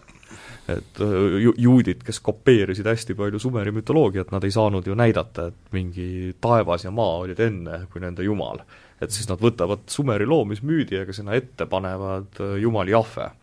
et siis Genesise raamat algab sellega, et alguses lõi Jumal taevad ja maa, eks mm. -hmm. et siis juudid panevad oma selle transcendentse uue kontseptsiooni äh, mis tekkis tõenäoliselt zoroastrismi, judaismi, hästi paljude nende varase filosoofia koosmõjul, aga juudid just panidki selle jah, jumala sinna ette, et see on uus asi. selgelt monoteistid. ma ütlen nüüd vahele ka veel jah, et, et tõenäoliselt see, just see viljastamise moment mm. või nagu loomise algusena, et see on universaalne, eks ole, ilmselt viitab sellele ka seesama loetud laulu see koht, et alguses ilmusid soovid ja kired, eks ole mm. -hmm. kust nad ilmusid, noh, kes teab, nagu siin öeldakse, aga soovid ja kired, mis siis tekitasid ühel või teisel viisil seda viljastamist ja nii edasi, siis hakkas kõik, kõik arenema, sest et ka need noh, hilisemates, natuke hilisemates tekstides, mida Indias nimetatakse Upanishadideks, mis on niisugune poolfilosoofilised tekstid, seal arutatakse ka väga palju ja, ja seal just ka see vesi ja soojus on nagu, nagu olulised asjad, aga need kõik seostatakse ka just inimlike omadustega, et, et, et see inimene oli seal, inimene kui tunnetaja, me võime öelda, on, on siis selles India nagu maailmapildis ja, ja loomises ja arengus on alati kohal et ilma inimeseta ei, ei ole mitte midagi toimunud. Lähi, Lähis-Ida puhul inimene on ju sekundaarne. kuni sinnamaani, eks ole, et noh, kui juba räägitakse nii-öelda inimühiskonna tekkimisest, noh, indialastel on jah ka selline nagu ütles, see ei ole universaalne, India on nii, nii mitmekesine, on olemas näiteks selline kuju nagu Purusha, noh nagu ürginimene või alg, alginimene, eks ole. kust see Purusha tuli, seda jälle, jälle ei tea. aga noh, näiteks, et kogu, on siis selline müüt või lähenemine, mis on ka Veedades juba esindatud, et et kõik noh, nagu me teame, Indias on see väga traditsiooniline, oli seisuslik ehk kastiühiskond mm, -hmm. oli neli peamist äh, seisust olid siis preestrid, sõjamehed, valitsejad, maaharijad või ütleme, et materiaalsete väärtuste tootjad ja teenijad teenijad, peale selle veel kastivälised, kes sinna ühiskonda ei kuulunudki, eks ole. ja et kuidas selline jaotus tekkis, siis öeldaksegi, et see Purusha, selle ürghiiu või ürgmehe kehaosadest, peast tuli need preestrid, targad, õlgadest ja kätest tulid äh, sõjamehed, valitsejad, kes siis on tegusad, puusadest ja reitest tulid need maaharijad, materiaalsete väärtuste tootjad ja jalgadest tulid siis see, teenijate klass. et selline ka antropogeenne äh, inimkonna nagu äh, tekkimise ja, ja, ja jaotamise mudel no vanas Sumeris oli hästi huvitav asi, et kui inimene tekkis hoopis jah, te-, teistel alustel, et kui ühesõnaga jumalad olid juba maa peale sündinud, siis selle läbi taeva ja maa, sugu ühte, järgmine põlvkond jumalaid, siis nad hakkasid ise sugu tegema, järgmine põlvkond ja siis sõlm-, sündis noorem põlvkond jumalaid. Aga et vanemad jumalad panid noorema põlvkonna enda jaoks tööle. ühesõnaga, Sumeris ju algselt arvati, et jumalad sõid samamoodi ja jõid samamoodi nagu inimesed ja neil oli samasuguseid maju vaja ehk templeid. ja siis vanema generatsiooni jumalad panid noorema generatsiooni jumalad enda jaoks tööle, põhimõtteliselt kõiki raskeid füüsilisi töid tegema aga et ühe müü-, mitme müüdi kohaselt siis noorema generatsiooni jumalad hakkasid mäss-, mässama, lõhkusid kõik ära, mis nad ehitanud olid, kaasa arvatud niisutuskanalid ja templid, ja keeldusid vanemate heaks tööd tegemast. ja siis vanemad jumalad ei leia sinna muud lahendust, kui et noh, mis me siin nende nooremate jumalatega, et need enam tööd ei tee, et loome siis neile mingi asendaja. ja siis tehti savist ja, ja natukene vist võeti jumalikku verd mis segati selle savi sisse, täpselt seda protseduuri ei tea, sest need müüdid on halvasti säilinud natukene. aga no põhimõtteliselt jumalikust verest ja savist vooliti inimene. ja no, me no, ei ole väga palju erinev sellest juda jah, see on, see judaismis lihtsalt Jumal, Jahve puhub elu inguse nina sõõrmetesse, Lähis-Idas oli siis mingi jumalikas liha või veri või mis sinna savi sisse segati. et siis põhimõtteliselt inimene on loodud äh, nii noorte kui vanade jumalate orjaks, kelle eesmärk on jumalatele süüa viia ja põhimõtteliselt rahuldada nende füüsilisi vajadusi, et see jah, kui me nüüd äh, Hiinasse ka äh, põikame sisse, siis seal on ka selle loomismüüdiga on niisugune kahtlane lugu, et ei tea, kust ta, kust ta alguse saanud ja, ja arvatakse, et noh, ta kirja on pandud või fikseerunud kaunis hilja ja võib-olla isegi juba India mõjudega, noh, India mõjud tulid peamiselt budismiga sinna, aga, aga neil on ka selline huvitav äh, poolenisti selline antropogeenne maailma kas me nüüd räägime taoismist, see me räägime Hiina usundist, me ei saa noh, see on hilisem jaotus, eks ole, et taoism mm -hmm. on Mhm. tulnud äh, ikkagi ka hiljem, aga noh, ütleme, et millest taoism on välja arenenud mm. -hmm. varasemast. Jah. loomismüüti lihtsalt, eks ole, ega konfutsionistidel, nagu ma ütlesin, see ei Jah. ole religioon, seal pole üldse loomismüüti, budistidel ka ei ole. ja on siis selline kontseptsioon, et algul oli noh, ka selline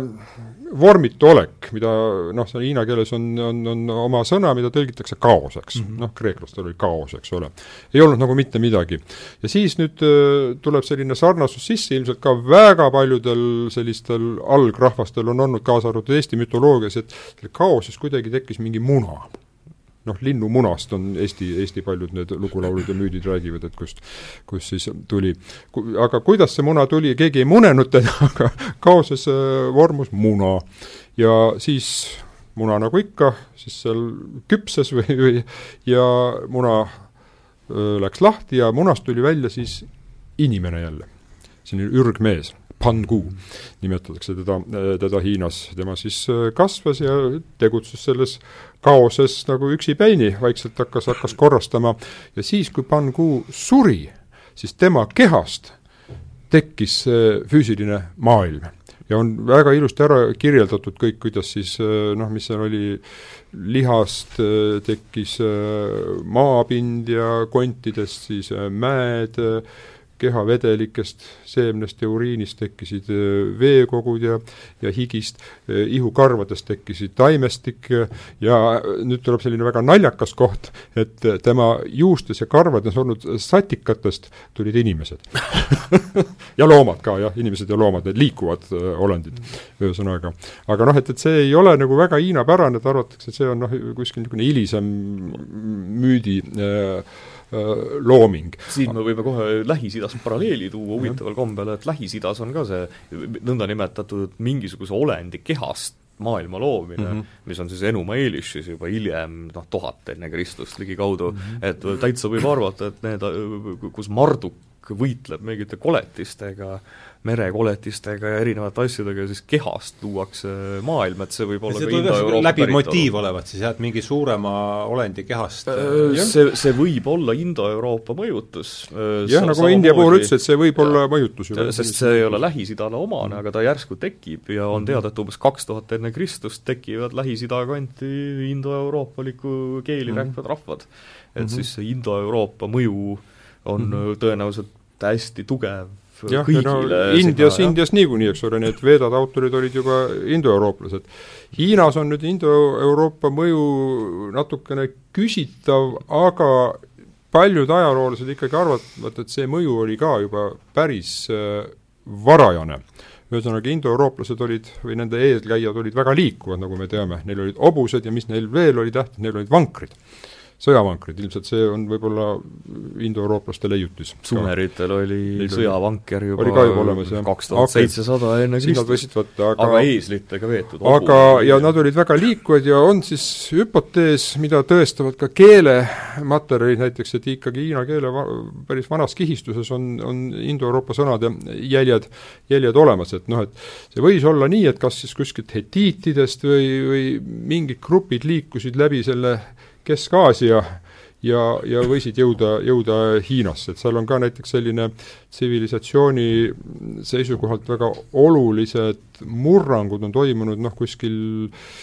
viisteist, neliteist sajand enne meie arvamist, mis noh, nagu isetekkeliselt nii kiiresti ei käi. ja kaks asja, üks oli selline tehniline just nimelt, et ilmuvad äkki hobused ja sõjavankrid, mida enne ei olnud. ja sõjavankrid, noh nii palju, kui neid on hauakambritest leitud, on väga sarnased nende Lähis-Ida äh, sõjavankritega. ja teine asi on nüüd see, mis on noh, Hiina puhul öö, väga oluline, on Hiina kiri. noh, me teame tänapäeval, õigustatult nimetatakse, see on kõige vanem toimiv kirjasüsteem maa, maailmas. loomulikult Sumeri ja Egiptuse kirjad olid palju vanemad, aga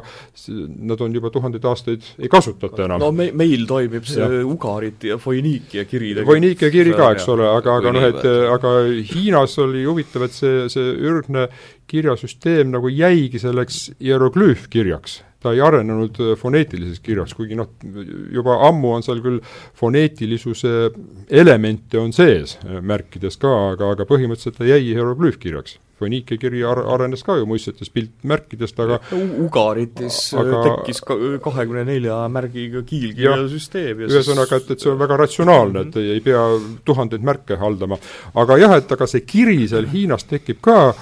väga ootamatult et varasemast ajast on teada noh, mõnikümmend sellist sümboolset märki, mis mõned sarnanevad nende vanemate kirjamärkidega, aga korraga on neil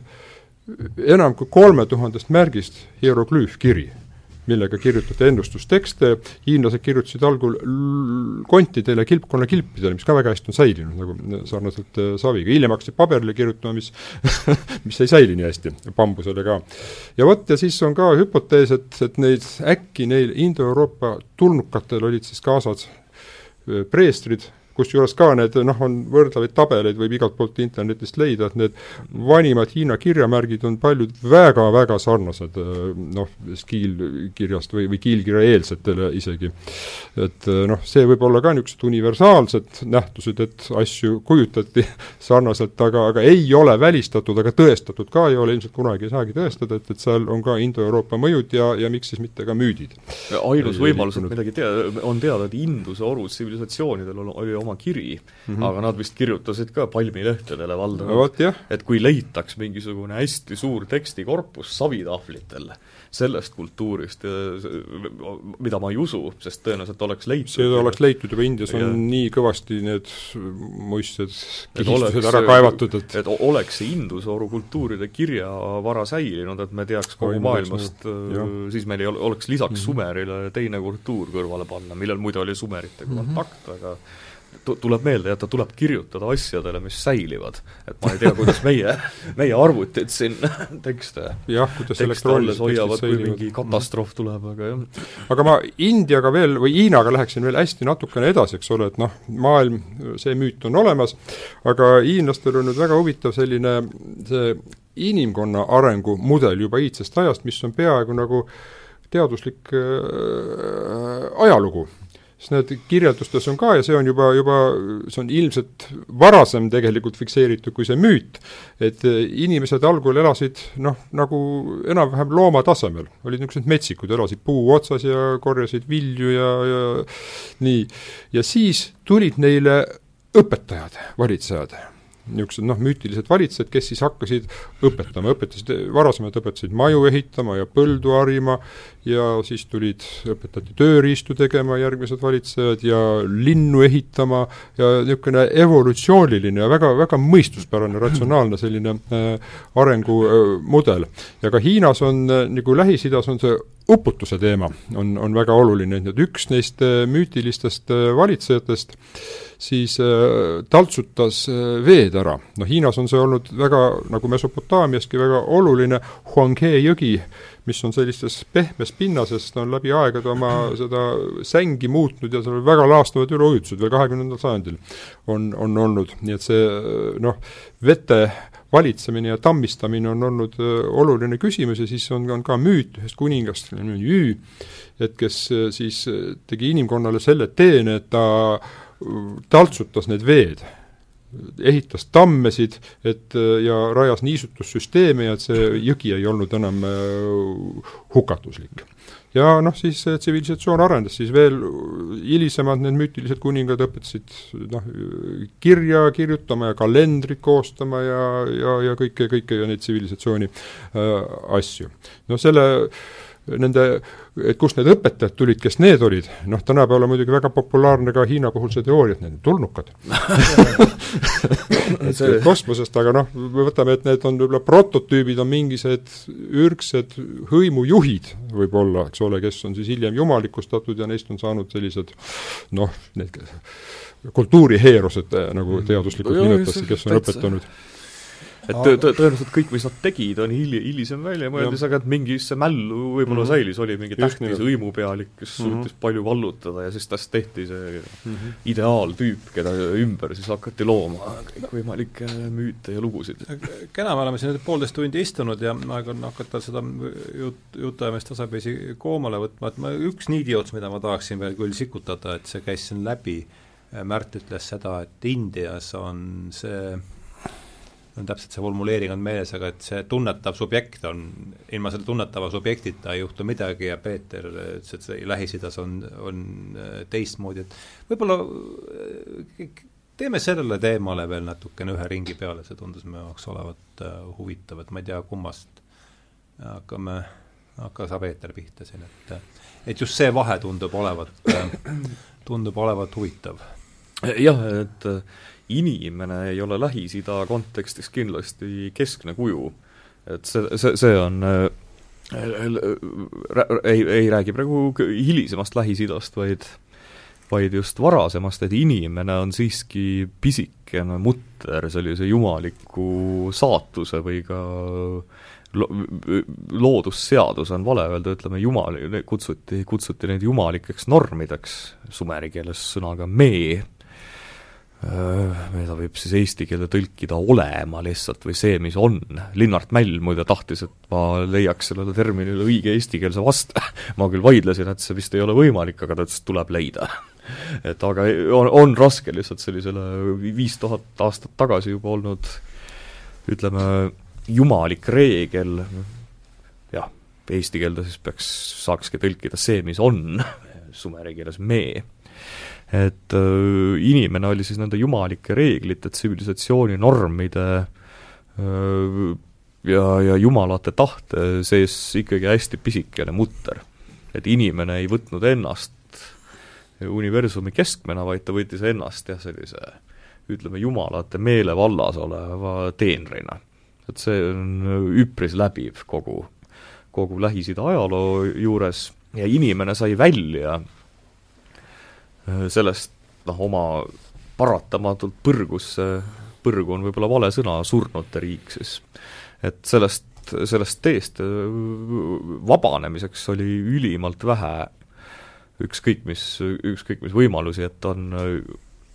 ütleme, lunastuse või igavese elu siis saavutas Lähis-Ida mütoloogias ainult üks tegelane, see on siis Noa eelkäija Adrahasiis. ja ka see põhjus, miks talle igavene elu anti, oli see, et jumalad teadupärast Äh,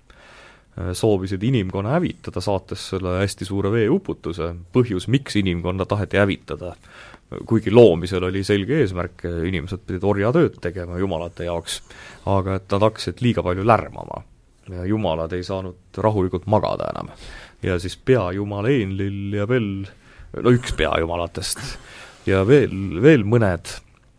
arvasid, et aitab, et me magada ei saa, hirmus lärm on, et saadame neile mingi veeuputuse ja hävitame nad lihtsalt ära, et ei ole vaja inimkonda. aga et siis inimkonna looja, Jumal Enki, tarkuse ja käsitöö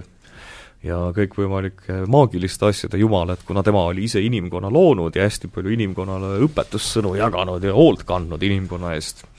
et siis ta otsustas, et ta läheb hoiatab siis seda veeuputuskangelast ja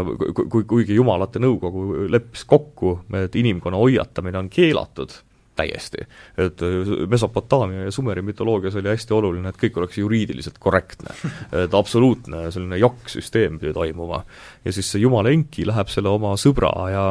ja õpilase Adrahasiisi äh, maja seina juurde, teades, kus ta magab, ja siis ta koputab vastu maja seina ja ütleb, et sein, sein, mul on sulle üks jutt ajada ja siis ta põhimõtteliselt, äh, et mitte murda seda jumalate nõukogu otsust, siis ta teeb näo, nagu ta räägiks maja seinaga, teades, et see ütleme, tema siis õpilane või sõber magab või kuuleb seal teisel pool ja annab siis, et ehita laev ja, ja nii edasi. Et äh, ja, ja siis, kui uputus on läbi, siis järsku jumalad avastavad, et mingid inimesed on elus, et see läks küll halvasti. aga et see oli jumaliku, jumalike reeglite või jumalike otsuste murdmine ja seetõttu siis sellest ellu jäänud Adrahasiisist põhimõtteliselt tehtigi nagu pooljumal. et see oli siis selleks, et et ei saaks keegi öelda, et oleks mingisugune noh, jumalate nõukogu otsus poleks toiminud, mis tegelikult nii oli. aga jälle, juriidiliselt oleks korrektne, siis anti veeuputuskangelasele igavene elu, mis põhimõtteliselt on jumala, no põhimõtteliselt ta sai ise jumalaks siis. Ja kõik juriidilise korrektsuse pärast. ja Gilgamesh siis ei pääsenud sellest nõndanimetatud sünni-surmatsüklist pidi allilma minema, sai allilmas küll hästi tähtsa positsiooni, et tal oli tõenäoliselt rohkem süüa ja rohkem naisi ja nii edasi. Aga et ei pääsenud, et siis üks inimene kogu Lähis-Ida mütoloogia jooksul on kujutletud siis saamas igavest elu, et ja inimese keskseks või siis ini-, konkreetselt inimest ja Jumalat ja nende suhet ülistavaks ikkagi kristlus esimesena, et ju-, judaismis on see natuke komplitseeritum, et judaismis ei ole ka see kristlus, kristluses tõuseb ini-? Äh, jah, ma ütleks, et ikkagi kristluses, et judaismis on see nii ja naa, kuigi algeid on näha, aga et ma ei ütleks, et judaismis et see siis selline inimese keskne või inimese personaalse vabanemise keskne religioon, et ju-, judaismis need elemendid on, aga see on komplitseeritum. et ei, ei kuulu ka tänase saate raamistikku enam aga nüüd see India et jah, Indias, nagu öeldud, on, on tõesti, inimene on selles loomises ja maailmakorralduses kogu aeg kohal olnud, eks ole, kas või noh, selles ürgsemal tasandil selle, et oma ohvrite ja rituaalidega siis öö, manipuleerib jumalatega, et jumalad toimiksid öö, inimestele kasulikult, eks ole. seda jah, aga, aga kaunis vara inimene, inimene manipuleerib jumalatega? no ohvreid ja riitustega, eks ole, ta teeb noh, ütleme, et meelestab jumalad enda vastu heatahtlikuks. jumalad saavad oma ohvrid kätte, oli jumalate toit oli ka, eks ole, siis nad käituvad niimoodi või on, on inimesele heatahtlikud, noh, nagu kristlastel on palve, eks ole, me palvetame ka, et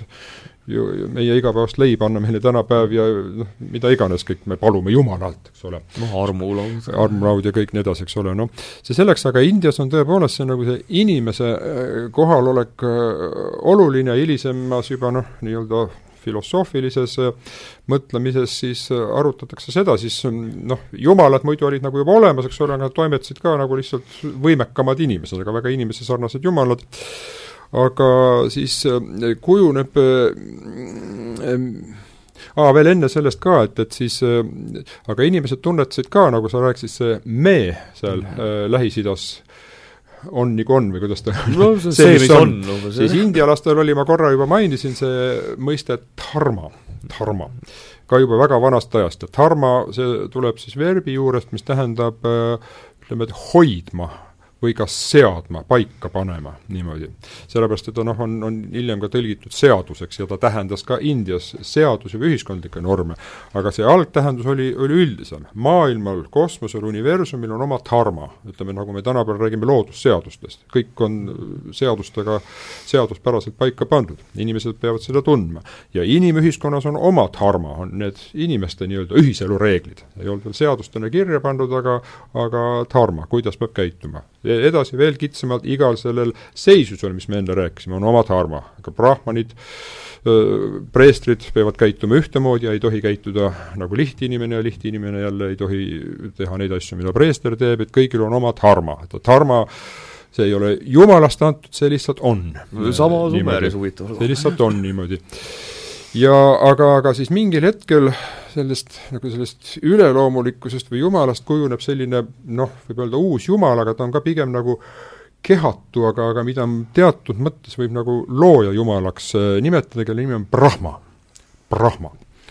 Brahma äh, tuleb ka sõnast, mis tähendab kandma. Ja aga, aga teda noh, ütleme, et mütoloogias nagu on ka väga vähesel määral ikonograafiliselt kujutatakse noh, kolmenäolisena või isegi niimoodi. aga, aga tema on umbes siis nii, et jah, et, et noh, mingi loomisprintsiip nagu või, või jumalik looja. aga indialased võtsid asju ikka väga niimoodi laiahaardeliselt, siis on ka, et ega ei ole nii, et jumal lõi maailma, nagu kristlastel väga kitsalt lõi selle maailma, see maailm ükskord saab otsa, on viimne päev ja siis ongi kööga, rohkem enam ei kirjutata. indialaste jaoks on ka tsükliline, aga tsüklid on väga suured. Brahma loob maailma, siis äh, ilmus või, või, või loodi selline teine jumala kuju äh,, Vishnu, kes hoiab seda maailma käigus, kes kontrollib, et siin asjad, asjad äh, kulgeksid. ja kolmas jumal on siis nagu hävingu printsiip, on Shiva, kes ükskord selle maailma hävitab. et see on normaalne protsess, see on, hävitab ära, siis Brahma võtab kätte ja loob uuesti loob maailma ja see kestab põhimõtteliselt äh, lõputult, aga need tsüklid on väga Shiva hävitab, jah? Shiva hävitab. aga tsüklid on väga-väga pikad, miljardeid aastaid, seal kirjeldatakse, indialastel on ka juba nimed olnud väga varakult hästi-hästi suurtele numbritele, seal kümneastmed, mitu, mitmekümnendad astmed, äh, miljardeid, äh, miljardeid aastaid kestab siis see tsükkel. aga Brahma jaoks siis öeldakse, et Brahma jaoks on see üks maailma tsükkel nagu üks päev. ta hommikul loob maailma, ja järgmiseks äh, öösel see maailm siis äh, hävib, vahepeal ta puhkab öösel ja siis järgmisel hommikul loob päeva sees jah, loob, loob uue maailma, aga see Brahma päev siis meie jaoks on noh, ma ei tea, need numbrid on ka erinevad, aga noh, kuskil ikka tuhand, tuhat miljardit aastat näiteks, midagi taolist väga, väga pikkade asjadega manipuleeritakse. nii, ja teine pool, nüüd see inimene tuleb ka juurde, inimene ei ole alati, ei ole mitte kunagi sellest loomisest väljas, vaid äh, inimest vaadatakse kui tunnetavat ja, ja siis äh, ühesõnaga see Brahma värk oli nagu selline makrokosmiline nähtus. aga inimesel, et aga mis on ikkagi inimesel seda erilist, mis, mis paneb ta tunnetama või see mõistusega. ja noh, inimesest siis võeti välja noh, mida sageli tõlgitakse hing, aga see ei ole päris õige tõlge, see on tegelikult ise, aatman aatman, et India selline religiooni see filosoofiline pool ongi brahman kui see makrolooja ja aatman kui inimese olemus. ja väga suur küsimus oli, et aga kuidas see Aatman seda Brahmanit nagu tunnetab ja kust ta leiab selle Brahmani, Brahma, Jumala. ja lõpuks jõuti sinna maale, et Brahma on, ütleme, et mõõtmatult suur, kirjeldamatult suur, noh, ta loob ja ta on maailmaga üks teatud mõttes ka, aga see inimese ise, see on mõõtmatult väike. ja nad jõudsid sinnamaale, et suur ja väike on tegelikult üks ja sama mm. -hmm. Aatman ja Brahman on üks ja sama ühesõnaga see, et mitte mingit muud lahendust sellel ei ole, et kuidas on tunnetav inimene, kes tunnetab seda loodud maailma Brahma kaudu, et Aatman ongi Brahman. see inimese hing, eks ole, see on noh, puhas niisugune filosoofiline värk, aga tunnetuslik värk ka, ka ja kui inimene nagu oma olemusega seda tunnetab, siis ta on tegelikult Jumalaga üks et ei olegi vahet selle looja Jumala ja, ja inimese vahel ja niimoodi võimegi öelda, et tegelikult inimene loob seda maailma erinevate kirjelduste järgi. Ja no vot sealt siis ilmselt äh, siis tänapäeva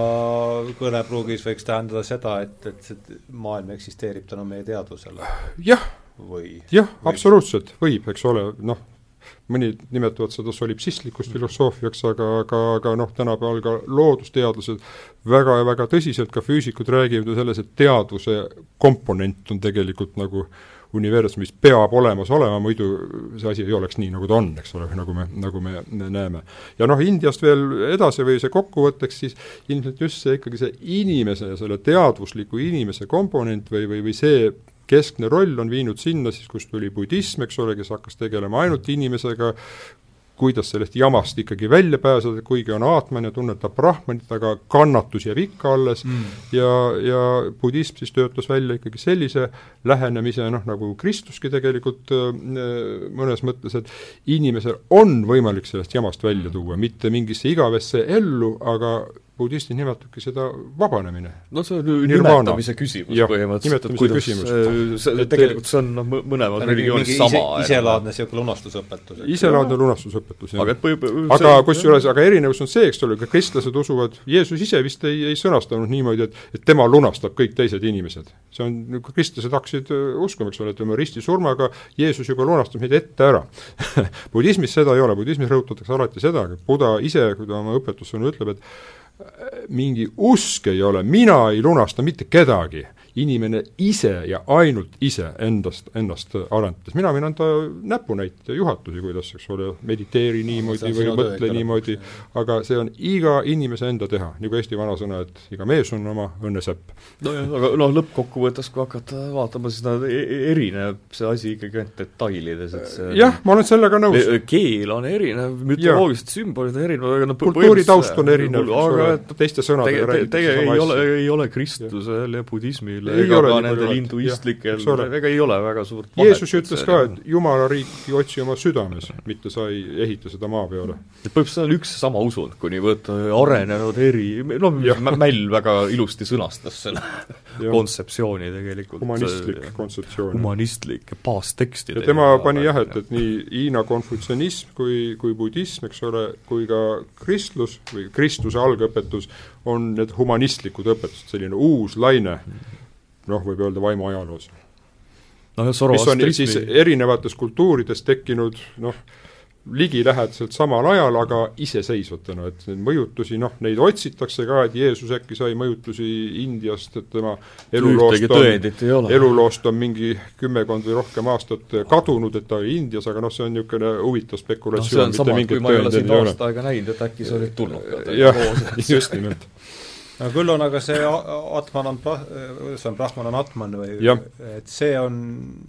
tundub ikkagi vastuolus selle noh, tänapäevase teadus, lääne teadusliku maailmaga, mis on või, või kuidas teile tundub, et no ega me ei mis... pea kõike klapitama, et see on, on äh, analoogiaid teatud osas, eks ole, see jah, see teadvuse asi, mida tänapäeval väga-väga uuritakse, noh, aga noh, ega me ei, ei saa nüüd küll Descartesiga on ta ju vastuolus, äh, see Atman on Brahman. jah, aga noh, Descartesil oli ka see äh, tunnetamise küsimus ikka.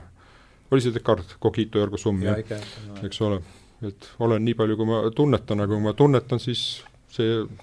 noh, võib ka öelda, et on see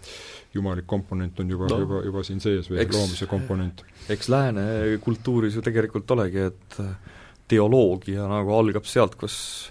või kuidas seda nüüd öelda, et noh, filosoofia on äh, algselt ikkagi teoloogia selline raamistik. Mm, -hmm. aga et nüüd mingist hetkest hakkas noh, filosoofia sai ilma teoloogiata asjaks iseeneses ja vaadake nüüd, kuhu see meid välja on viinud, et meil tuli Nietzsche, eks, ütles, et Jumal on surnud, mille peale noh, kui Nietzsche suri, ütles Jumal, et Nietzsche on surnud, aga aga et põhimõtteliselt, kui me hakkame vaatama, et siis et sellised mitte noh, vaimne on vale öelda, humanistlik võib-olla pole ka õige, aga ütleme siis mitte transcendentsed filosoofiasüsteemid, et et ma tean, et sulle see meeldiks, seda on ju Jordan Peterson öelnud, et ei saa me hakkama ilma kõrgemate jõudude või jumalat, et, et ei, ei tule seda eetikat kuskilt, et kogu see see noh, ütleme, teoloogia ja filosoofia eristumine lääne kultuurides, et eks see ole ka või, või õigemini vastandumine vastandamine, see võib ka olla siis religiooni ja teaduse täielik vastandamine, et eks see ole see ole ka see põhjus, kust kõik need kõige suuremad hädad meil on alguse saanud, et jah, aga noh, see tendents on olnud ka mitte ainult äh, läänes, ega Indias on sama, Indias seal sajandite jooksul see väga spekulatiivne filosoofia kuskil meie aja arvamise algul juba olid koolkonnad kõik osad üritasid siis ka seda jumalikkust või seda, seda kuidagi tõestada filosoofiliselt, aga oli ka täiesti ateistlik, noh tänapäeval nimetatakse koolkondi, kes ütlesid, et ei olegi mitte midagi, atomistlik, kreeklastel oli, Indias oli samuti ja, ja noh, ütleme, et Hiinas see konfutsionistlik lähenemine oli ka ilma, ilma jumalata põhimõtteliselt. India atomistidega tuleb seda kedagi ette, kes niimoodi mingi ei, ma nimesid ei hakka praegult ütlema. India atomistid siia kirja. Noh, igatahes oli väga silmi avav taas teiega siin äh, minul valdkond, millest mul enne ei olnud suuremat aimu üldse, sai nüüd mõnevõrra vähemasti omandas äh, omandas mõningad äh, kontuurid vähemasti ja see on suur asi. näiteks ainuüksi minu kitsas valdkond, siis vana Lähis-Ida jaguneb mingi kahekümne viieks eraldi teadusdistsipliiniks, et see, et seda ongi väga raske hõlmata, et äh, si-, sinu oma jaguneb tõenäoliselt umbes viiesajaks eraldi kitsamaks. aga me saime ta vähemasti esialgu sel-, sellesse viies, kogu selle ida viieks suureks regiooniks ja juba, juba see on üksi midagi ja pluss veel see kuhu see lõppu, see jutt jõudis, nii et on põhjust teid südamest tänada ja aitäh, et aega leidsite siia tulemast äh,. Peeter Espak, Märt Läänemets äh, olid siis täna tähenduste teejuhtide külalisteks, rääkisime ida, idamaadest, nende filosoofiast, religioonist. ja mina olin saatejuht Hardo Pajula ja tänan teid kuulamast, aitäh!